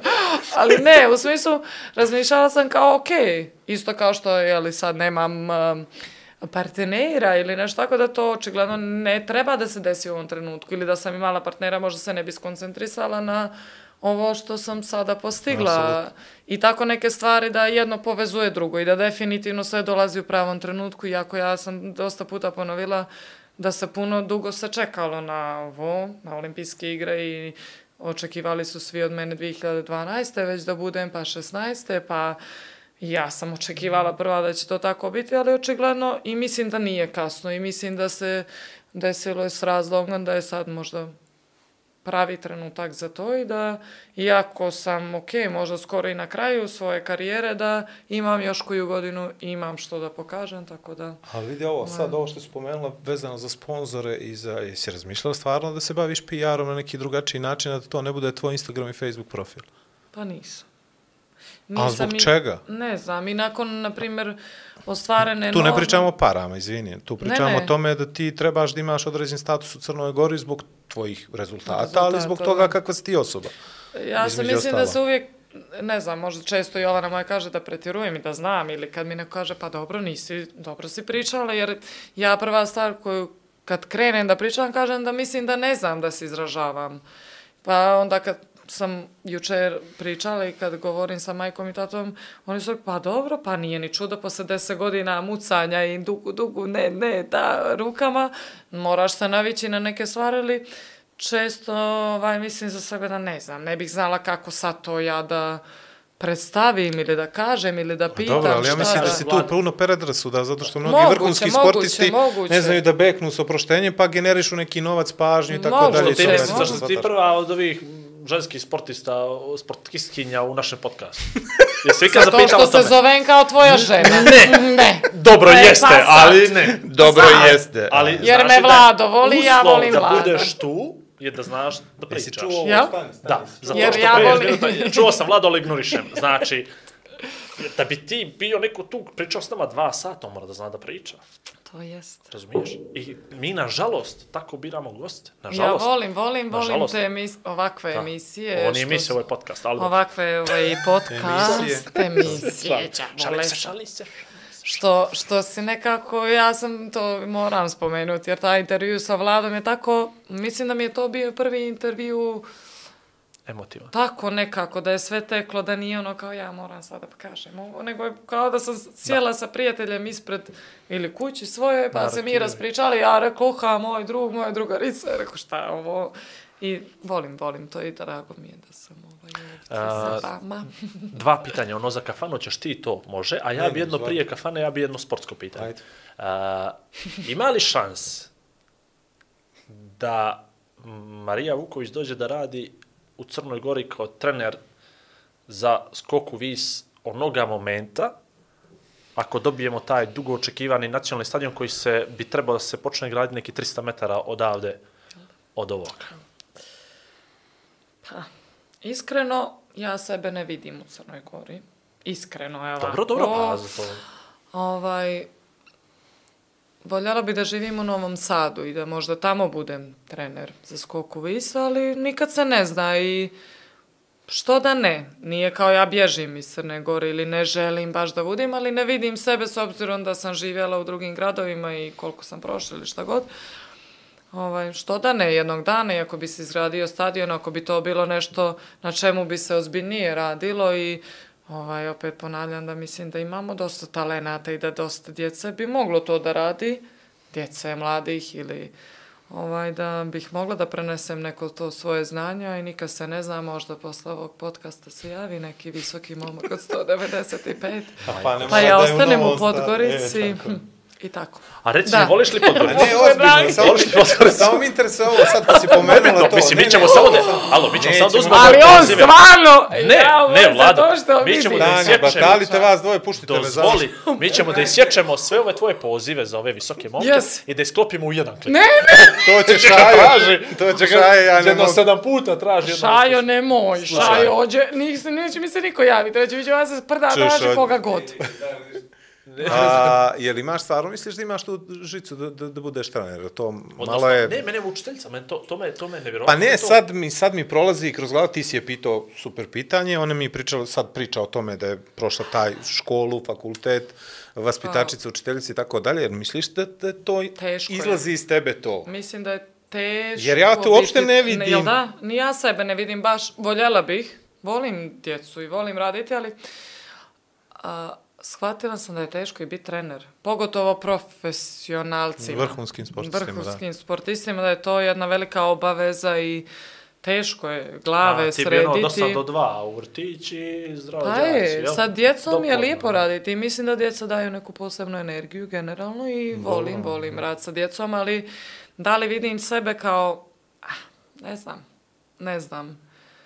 Možda kad završim i kad ne budem baš u ovom fokusu sad kao što sam sad, možda će to doći prirodno i šta god, jer volim, volim, volim djecu. Mislim, Dobro. u smislu, taj rad jasno, sa djecom jasno. i njihovu energiju. Pa nisi to i- izabrala bez veze, jel? Da, i Morala si- pitanja njihova Morala si i da sve to. razmisliš šta ćeš i kako ćeš da bi se Da, pronašla u tome što učiš. Ali i... baš zbog toga i te nesigurnosti zbog sporta i neskakanja ili nečega, možda sam izgubila taj dio sebe u smislu kao je, ona me dijete pita, dijete pametniji od mene, taj dio neki je bio dosta vremena što sam ja bila u fazonu, pa taj mali vjerovatno zna više od mene kako me ovo pitanje pita i to su neke te nesigurnosti koje kontan da će proći možda kad sve ovo kao se slegne, ok, završila sam svoju karijeru, daj nekome drugome da pomognem kako mogu i kako mogu. Jasno. A, kafana ti je ostalo pitanje. Kafana je Pa moja sudbina. baš, ovaj, sad ne znam, zamišljate radu sa djecom, a kontra toga je izašla Ali to je kafan, to znaš. uveče u kafani. Ja i E. Kristina Irakočević i ja smo se dogovorile jedan dan da ćemo imati svoju kafanu. Kako će se zvati? Nismo još. Mršava i debela. Mršava i debela, može i sam to. mislio, ja sam Ali ali to prvo, smo- se, prvo odrediš ime kafani, pa tek onda Ne, ne, ne, mi Ne, smo ali samo je debela da- skroz za njih, znaš. Da, mi smo tako e, nekako ovih možda godinu dana zadnjih da smo mi tako razmišljali i rekli od Švec, Švedske gdje smo išli nek, na neku jugo party kafana koja je Muzika samo 90-ih subotom, i to, ne je ne, li? subotom je samo a, naša muzika, inače tamo šveđani žive i to. I onda dođe ovaj, kako se zvala, pevaljka, ne bi to sad. Dobro. Ali to nam je tako ostalo i što volimo i kad se sastanemo, to su neke rijetke prilike sad kako je svaka na svojoj strani ili sa sestrom ili sa dobro, dobrim drugaricama. To je jedina nekako prilike ili kafa ili da se sretnemo uveče kad izađemo pa mi se radujemo i ovaj, proslavimo sve što ima da se proslavi. I onda smo Kristina i ja pričali kako stvarno u Podgorici fali jedna dobra kafana. Ono sa onim kariranim stolnjacima i muzikom koju svi vole da čuju i da... Ne fali, nego je niste našli. Ne, a nismo je na... ovaj, posle ćeš. Pazi, Vlado i Ako ti je to znaš, fetiš ka- kariranih, znam čoveka. A dobro, ne može samo... Mislim, Ne nisam mislila što, ali mora... karirani na nivou. Ali kao karirani karirani, podsjećate ali- na da, kafanu, dobro, znaš. dobro, to. Ovaj, tako da bilo bi lijepo jedan dan da se to stvarno tra- o, ovaj, ostvari. Ali je, to bi bilo ostvarljivo ako bismo onda bili u Podgorici, a to bi vidiš veže jedno za drugo. Ali Jer- morate pitati kako ti doživljavaš Podgoricu. Be, bez šale, evo. Mislim, Ha. pazi, ni, nije ni moj grad, Ne, on ni me to, Vladov on grad. ovo na, namjerno pita zato što sam ja nešto za 19 i nisam ispoštovao ovaj publikum, pa onda... To, Pa će, što to je znam, drugo, ni- to je danas to. sam baš bila na proglašenju za glavnog grada Podgorice i evo već dvije godine sam tu u klubu su kojim nemam nikakve sad ništa ja od tog kluba. Eto, tu smo nas par najboljih iz Atletskog saveza, ali ovaj, glavni grad Podgorica je stvarno nakon olimpijskih igara a, pomogao i dočekao me gradonačelnik, što je bilo jako lijepo, kao i gradonačelnik Cetinja i u baru sam bila dugo, to je završeno, ali opet kažem, u svakom gradu sam bila pomalo, A, I volim svaki na svoj način. U baru sam dosta, tre... u, na Cetinju sam počela i Cetinje vežu me neke i druge stvari osim to, tog početka. Zatim bar, isto lijepe stvari koje me vežu i tu sam i završila srednju školu. A Podgorica je grad kroz koji prolazim i koji najčešće ako nešto treba da se završi, da se vidim sa nekim, uvijek je to Podgorica, ne kao da me veže, na primjer, za atletiku, kao bar ili Cetinje, ne veže me, ali ovako tu dosta društva imam i kao e, grad koji jedino u Crnoj Gori živi na neki način i sve se dešava jeste Podgorica. Pa dobro, nisam ni mislio da te veže za Atletico, ono više za kafanu. Pa dobro, nije ni za da li- kafanu, za kafanu Novi Sad mogu ti Dobro, pravo ali reći, ako bi otvaralo nemoj ti neđeva, ka- da ćeš otvoriti što to ti sam birao račune u da, da, eure, da, nego u da. dinare. Da, da, Stvarno, da. rakija Ako bi se 185 otvarala- dinara. ako bi Koliko je se- 7 rakija po 185 dinara, nemaš pojma. A 7 puta 2, 14, razumiješ? Mislim, Ako znam ja, ne boj se, da kruši ti njega, ne zna ona. Meduška koliko košta, ovo stvarno da se sjeće. hoće, naravno. Ljudi, da se malo... Šajo, klimaj glavom, Samo šajo, ti kažem hoće, koliko, da. na primjer, njih dvije Ajo. nisu svjesne da su vrhunske sportistke. Slušam. I Ovaj, Kristina jeste u pravu si. Ko Šta njih jeste? dvije? Pa vas dvije Pa niste jeste. svjesne da ste vrhunske sportistke.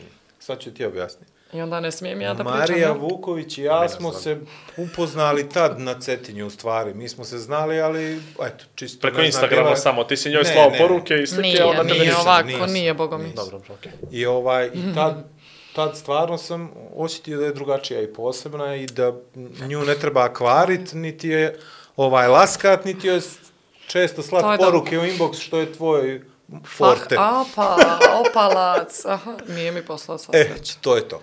Niti. Nisi, ali meni je pa ne polako, mlado, ajde, polako. čovjek. Pratim. Polako sad kad me zaprati Polako, kao slika posao. E, to.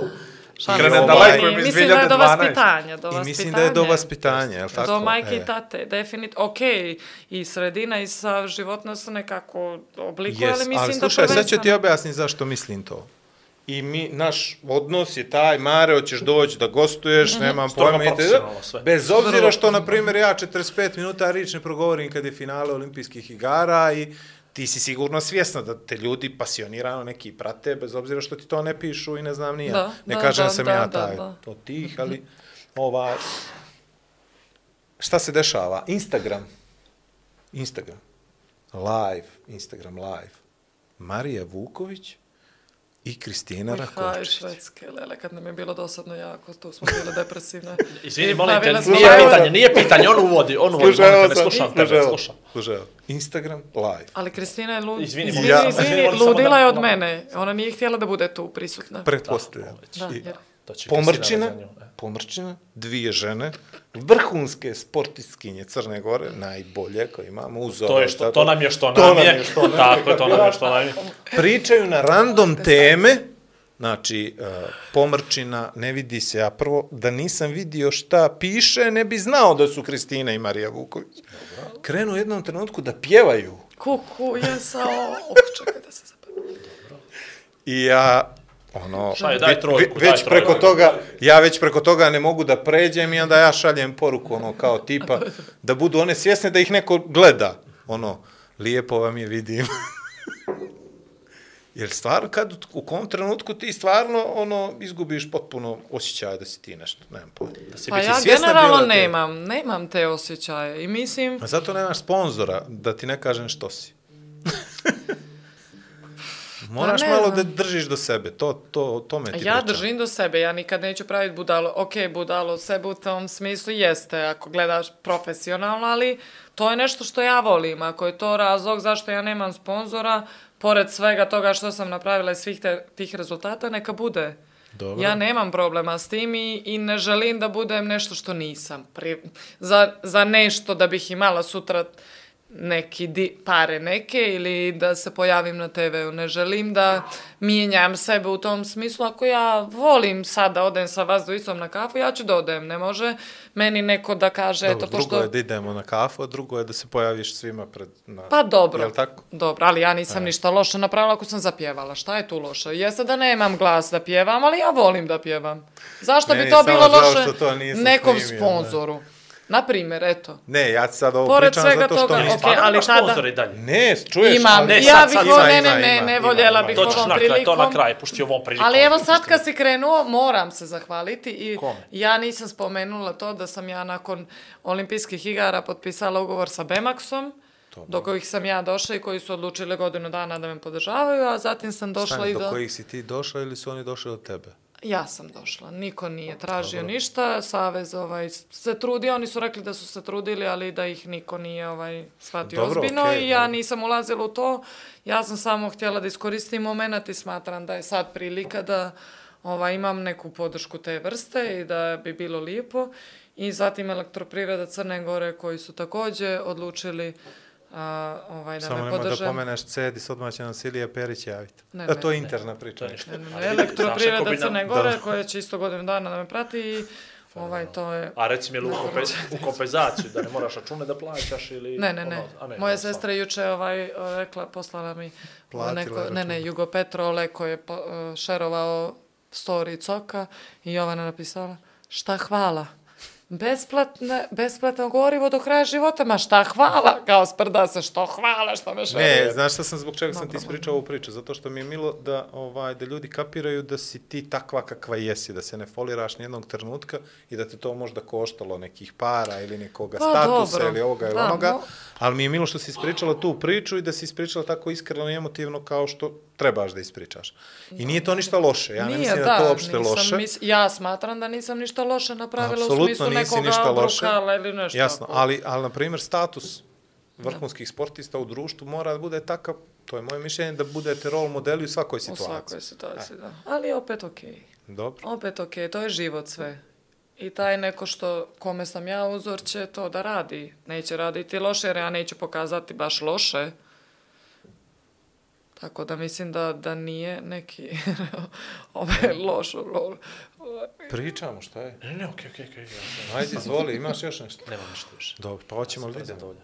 Pa ne znam, evo, da vidimo, ima li ona neko pitanje za nas Da, dvoje? da nemaš možda neko ti pitanje za nas dvoje, dvojicu. Će vas nađuš. Ne, mene stvarno interesuje ko vas sastavi. Ali ovo, to sam se pitala cijelu emisiju, kako, kako funkcionišete vas dvojice i kako, aj, potrebno. Kao loš brak. Pa vidi ovako, znaš kako mi funkcionišemo? Kao dobro je sve jer Mi ste navik, funkcionišemo na navik. daljinu. Nadalje. To je broj jedan, jeste. Znači, ne gledamo Ali se ja vidiš nikad nisam mogla to na daljinu. Ni, ne Da. ide, ne ide. Pa ne ide, ne znam, sad, mi, mislim, možda je se- moja daljina, naša daljina je tvoja daljina, a možda su dvije daljine. Sve zavisi do emocije. Da. do emocije. Ako je jaka emocija, Ali može. jaka emocija onda, Da, znači. mi- mi A od kad se znate? Pa eto. Previše dugo. To već šajo sad Dobro, ima evo druge sad, asocijacije. On ima neke asocijacije sa ta A, što ste dobro. ta To, neke da. muške Dobro, priče. to šalim može se, se uglavnom. neću vas sad. Ovaj, pa mi funkcionišemo tako ka, preko Viber grupe, dakle nas trojica smo u Viber grupi jednoj, da Šajo, Mhm. Vlado i ja, i mi na taj način funkcionišemo. Znači, ko nam je gost, kad nam je gost, kad dođemo I i kad nam znaš da je sranje studiju. kad neko ne odgovori na neku poruku. Ili ne pročita, drži je ne pročita, to je onda baš neko ljut na nekoga, razumiješ? E, ja, mi to tako I onda znaš, treba, kao, znaš, da prođe određeno vrijeme, nešto to da se poklopi. Znaš, kao ono da ima po 10-11 Pređemo preko godina, ali to je... O, Tako šalim, da je lagan, već je on... Tako da je to svi sindromi loše bračne zajednice. I onda mi kad se ovdje nađemo, mi se nađemo tipa pola sata prije, tako da ne stignemo ono... da se, Da se posvađate To ili je što? to, nego ti uđeš i onda mi I se prepucavamo preko tebe. E, a, kao peskat, a to sam Ti ćeš na ja na televiziju. I onda on ode i ti ga prebačiš i, ili sad ne znam, hoćeš ti vozili taksi, već sve, pričat će. Ovaj, I Kada To je tu, tu se- alkoholičar tu se sad- tu se u ovom sad- podcastu, ja stvarno ne znam dok. Znaš šta je problem? Jedino je problem što ja ne mogu da vozim. A ti ne možeš, ja? Šta? Ne znam. Da. Ja mogu da te guram. jedino Nema vozačke, on kao Jovana moja, o vole da ih voze, čoče, gospodski. Samo ti kažem jednu stvar, Ufa. uvedi ti to ono 195, muško vozačka, B kategorija minimum. Stavi to za uslov, Živjeli u to ime. Ajde, boga ti. Majko! Majke i tata odriču me se ovog podcasta. Ne, stvarno, srećom, ovaj podcast stvarno niko ne gleda. I, ovaj, i to ti je neđe jedna dobra stvar u principu. A baš Šerovat da- ću ga, svi će ga vidjeti, jer ovi momci neće sami dolaziti izgleda. Uh, Bože dragi. Znači, u prošlo Ovo je emisiji stvarno s njom zastiđe da sam je- imao debela, a sad 195 se vuče kao ono... Ali stvarno zastiđe, evo sad bez prnje. Bez, ja kada smo završili, ali stvarno sad nemo, neverica. Neverica. su momci visoki? Tako je. Svi se poželili. Poženili. Svi se poželili. Nemo, Ne, no, ah, vode, rekao vode, pa nemoj, ovo, nemoj. Makse, Kako štrecno. nemoj jer ovo jako, Stefano, ja moram je mi- vratiti, svataš, ne? Neću, dra, ja je ne da- znam, ovo je samo ovo da mi šalješ ljudi, poruke dok ne dođeš kući. Ovaj, dobro, Aj, aj, aj. dovoljno je bilo, a? Vlad, ja mislim da smo... Mara je super djevojka, Ali pazi, je milo ba, što je baš se, baš se iznenadio, iskreno da bude. Znači, jesi ti, što, dva sata i 25 minuta, jel? Dva i de, reci šajo, brat. Ajde se. Ajde se, brate, motira, Dimi, dva, prepriča, pola sa podcasta prepriča otamo i sad mi veli Hvala baš, šajo, Dva kući ga 10 čekaju.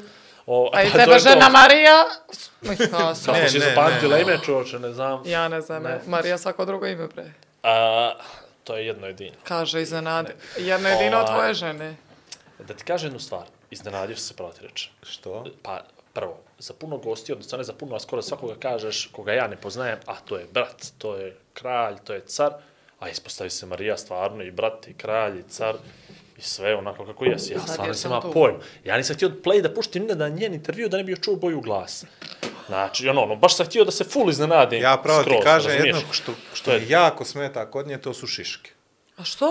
I to je jedina, jedna od, Baš znači, čerki mogu da oprostim šiške i njoj ću oprostiti šiške, ali Ah, drugo. dobro. Nikola, Nema sreća tvoja se baš pitaš, znači, Pa ne, čerke se nego ne sad pitaš kad si ti počeo nešto o A glasu, ko- ovo, ono, ja rekao, A stvarno, što malo šta mi smeta? Drugo, ono što sam htio ja nju da pitam, to je koliko ti je u stvari opterećenje kad gostuješ, sa, a sa stvarno puno gostuješ i na svaki mogući jutarnji, sve ko te zna i ko te ne zna, svi se sašilje preko tebe, kako ćeš se obučeš, imaš i taj... A, Nemoj me pita to, nemoj, evo Jovana, moje, kupuješ, moj... gdje kupuješ garderobu i gdje nalaziš, Pa to to je je, to, sad... to je muka. To je muka, na primjer, za da juče pričam za olimpijski komitet, za proglašenje sportiste godine, to sam morala da se pripremim, htjela sam da bude drugačije, ali ovako inače stvarno teško, teško jer ja sam toliko stresiran se kad treba da kupujem. Ne, ne mogu u shopping da idem Ja onda ja sad ćeš mogu... da kažeš građa ti je specifična MC, visoka MC, A strukirana. to ne, ne, ne, lagano mi je naći veličinu, Jel? sve mi je predugačko. A dobro, ovo stvarno je sada. Ali Jovana, Jovana, moja sestra, draga, poštovanja cijenjena Jovana, ona je divna, divna sestra, prije svega. I, Najprije, imaš je 20 eura i on. I ona, Ne zna se tu ko kome traži što. Ajde.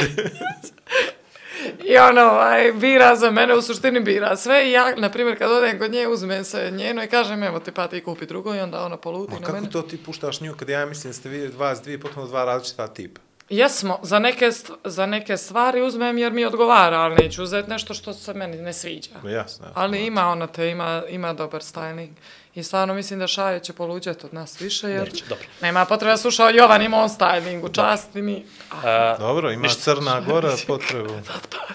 Jel? A dobro. Ajde. Eto, ako bude neki od 195, pa će on naći. Ajde ovo, molim te, prije kraja, stvarno završavamo. Znaš šta je, toliko puta je pomenulo ove centimetre, da sam ja sad počeo da formiram ovaj, mišljenje o ženama na osnovu... Ne, ne, ne, ne, ne, ne, ne, nema potrebe Ne, za ne, ne tim, ali mislim to ja, ja, da, moja ne glava. mislim ja da, sam ja da ja formiram mišljenje o tebi, nego ja sad razmišljam koje visine Žena bi trebalo. Bi trebala da bude tvoje.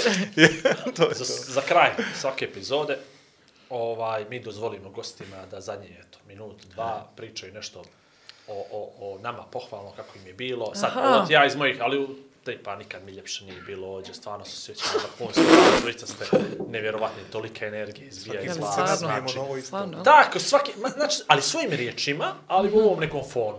Razumije, znači, baš ono Znači, nešto slobodno nas nas ishvali nahvali, znaš, možda on iznajači, jes oženjen i to sve mora, ja, na primjer, nijesam. Ali, znam, E. nikad ne znaš kad ti može valjati tako E, nešto, tako, razumiješ? možda Ja. sutra To bude neki funkcioner, znaš. A šutra, i onda ja to sve iskidam, kaže, evo mene je Marija podržavala kad niko nije vjerovao u mene i tako neka priča, razumiješ? Znači, sas, ali svojim riječima, ali baš ono iznajač. I znajući, a? Ali nemo da To slažeš. ti je pozdrav, ne možeš šta A slažeš. da vi rečem. Da vi rečem. A, kuku mene, znači. Ovako, htjela bih da se zahvalim Vladu i Igoru ovom prilikom, Igor što su me se kaže, izvini, samo što Vladu i Igoru, što su me pozvali u ovaj podcast. I htjela bih da kažem da Igor, ovaj, Ja da kažem da Igor...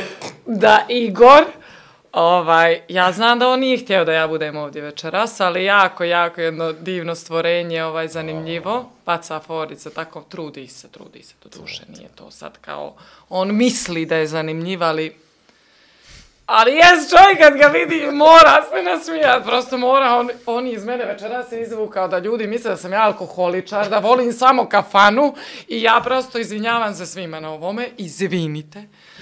Ovaj, ali ovaj, drago mi je, drago mi je da se te upoznala stvarno. Brat moj, nadam se da je kafa bila dobra da će sudat. Dobro, dobro, dobro, odlično, Kimbo. Kimbo. Ovaj, Znači, bilo ti fino. Bilo mi je fino, Mislim, a za Vlada Vlado, za Vlada, Vlada, svi znaju nemoj sad. sad me prekidati, ovaj sad kreće priča, ovo je bilo sad, pff, čisto da kažem, ti ispoštujem čovjeka koji je to. Koji je to tu silom prilike. Tu, tu je, šalim se, dobro. Ovaj, ali vlada, vlada znam dugo i ovaj, rasplačajem se vas da kad ono što napiše, evo i sinoć kad je najavio ovaj podcast, Jovana mi je poslala, jer, jer me nije tagovao kao što je rekao, jer mi svi to baš čestite i to. I onda tako mi je suze na oči izvukala. Jel da? Od muke. Od muke! ja ne Dobro, plačem Vlado od je muke. poznat po tome, svi plaču kad on Nije, piše. ja ne plačem od muke i ovaj 2016. ću pamtiti uvijek taj intervju sa njim i vas da mi je drago da ovaj dođem i da, da se raspričam ovako jer su to rijetke prilike, a ovaj, evo ovako na svakih 4-5 godina, pa, ali se sad nadam taman za jednu godinu, dvije, tri do Pariza, pa da ćemo Posle ponoviti Pariza možda. ćemo malo bolje prolazno je vrijeme. Da Tako tvoje- da drago mi je da sam ovaj bila večera s vama i uživala sam pravo da vam kažem. Ovi što su me čekali, što sam im rekla, eto me za pola sata. Praštajte, Ali, ček, ali eto me. Ali bit će link, pa će oni da Pa gledaju, će oni da gledaju i onda će da kakav ka- ukapiraju. car na kraju. Uglavnom, to. 2016. je bila jedna tvoja vremenska odrednica kad si imala taj čuveni intervju s Vladom. Jeste, jeste. 2021. decembar će da bude nova vremenska odrednica kad si dva i po sata pričala s nama dvojicom stvari koje si mislila da ćeš da kažeš, stvari koje nisi mislila nikada ćeš da kažeš. Ne. Stvari koje si mislila će da budu izrezane, a nisu bile izrezane, su pošle u highlights. I Ne. nama je stvarno bilo zadovoljstvo, eto, po prvi put, mislim da je žena izvukla, žena kao žena, kao ženska osoba, da je izvukla i da je definitivno bilo drugačije. I ja sam mislio da će on nešto da se nadmeće tu, nešto da se dodvorava i to, je Vlado je ali fin. stvarno je zadržao neki profesionalizam na koji ja uopšte nisam navikao od njega. I s tim u vezi, ja bi da mi ovaj večerašnji Ajde. podcast privodimo kraju, da se zahvalimo našim sponzorima divnim, Dobro. počni. Kimbo. A, ja bih pozdravio drage ljudi iz Meridijana, bez njih ova peta sezona bi bila definitivno drugačija, a ovo ostalo, Kimbo za kafu, Sad, uh, Lamija doći. Kaza za scenografiju, koreografiju. a Jelkica, a Jelkica, pa Jelkica, Stočić, pa ti znaš da sam ja oduševljen tim detaljima, sto, inače. a molim te, jedva a čekam novu godinu da proslavim u društvu naranđa. skromnom porodice mene. Uh, dalje, uh, Lamija Kaza, Elko Team, to su nama prijatelji, familije. Red Bull. Red Bull, koji eto nisam popio ovom prilikom, zato što pokušavam da... Jedno popio sam jedno deset komada za tri dana. I Hard, to je to, hard rock, naravno, to. hard rock smo, hard rock smo... hard rock smo. Pa i hard rock je brand, brand uz brand. Ide to jedno uz drugi, vjeruj mi. To se ti baviš marketingom. Pa, ajde, to- ja, ja volim da vodim računa o... Ja mogu možda napišem neki tekst, eventualno i to, ali Ja za ovaj imidž naš, Tako. besprekoran imidž. besprekoran ne. Tako. I Sigurno- kukuriku, pozdravim. Kukuriku, eto tako. Za taj neki vizual. I to je neđe to. I s tim u vezi, Odiš, aj, ajmo, ajde. s tim u vezi, Mare, Sezona. srećno Mare. Hvala. Pet. Hvala, Pa se gledamo češće. epizoda 4 dolazi do kraja uz tradicionalno crnogorski pozdrav. A i prijatno.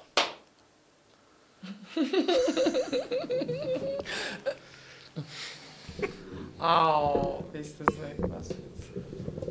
Novogodišnja čarolija u Meridijanu ti donosi iPhone 13. Ne biraj mjesto i vrijeme. Uplati depozit putem kartice na meridianbet.me i jedan od četiri iPhona može biti tvoj.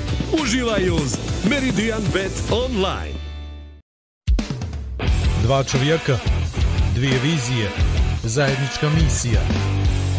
Igor i Vlado predstavljaju Igora i Vlada. Pri upotrebe detaljno proučiti upustvo, indikacijama, mjerama oprezi i neželjenim reakcijama na podcast. Posavitujte se sa ljekarom ili farmaceutom.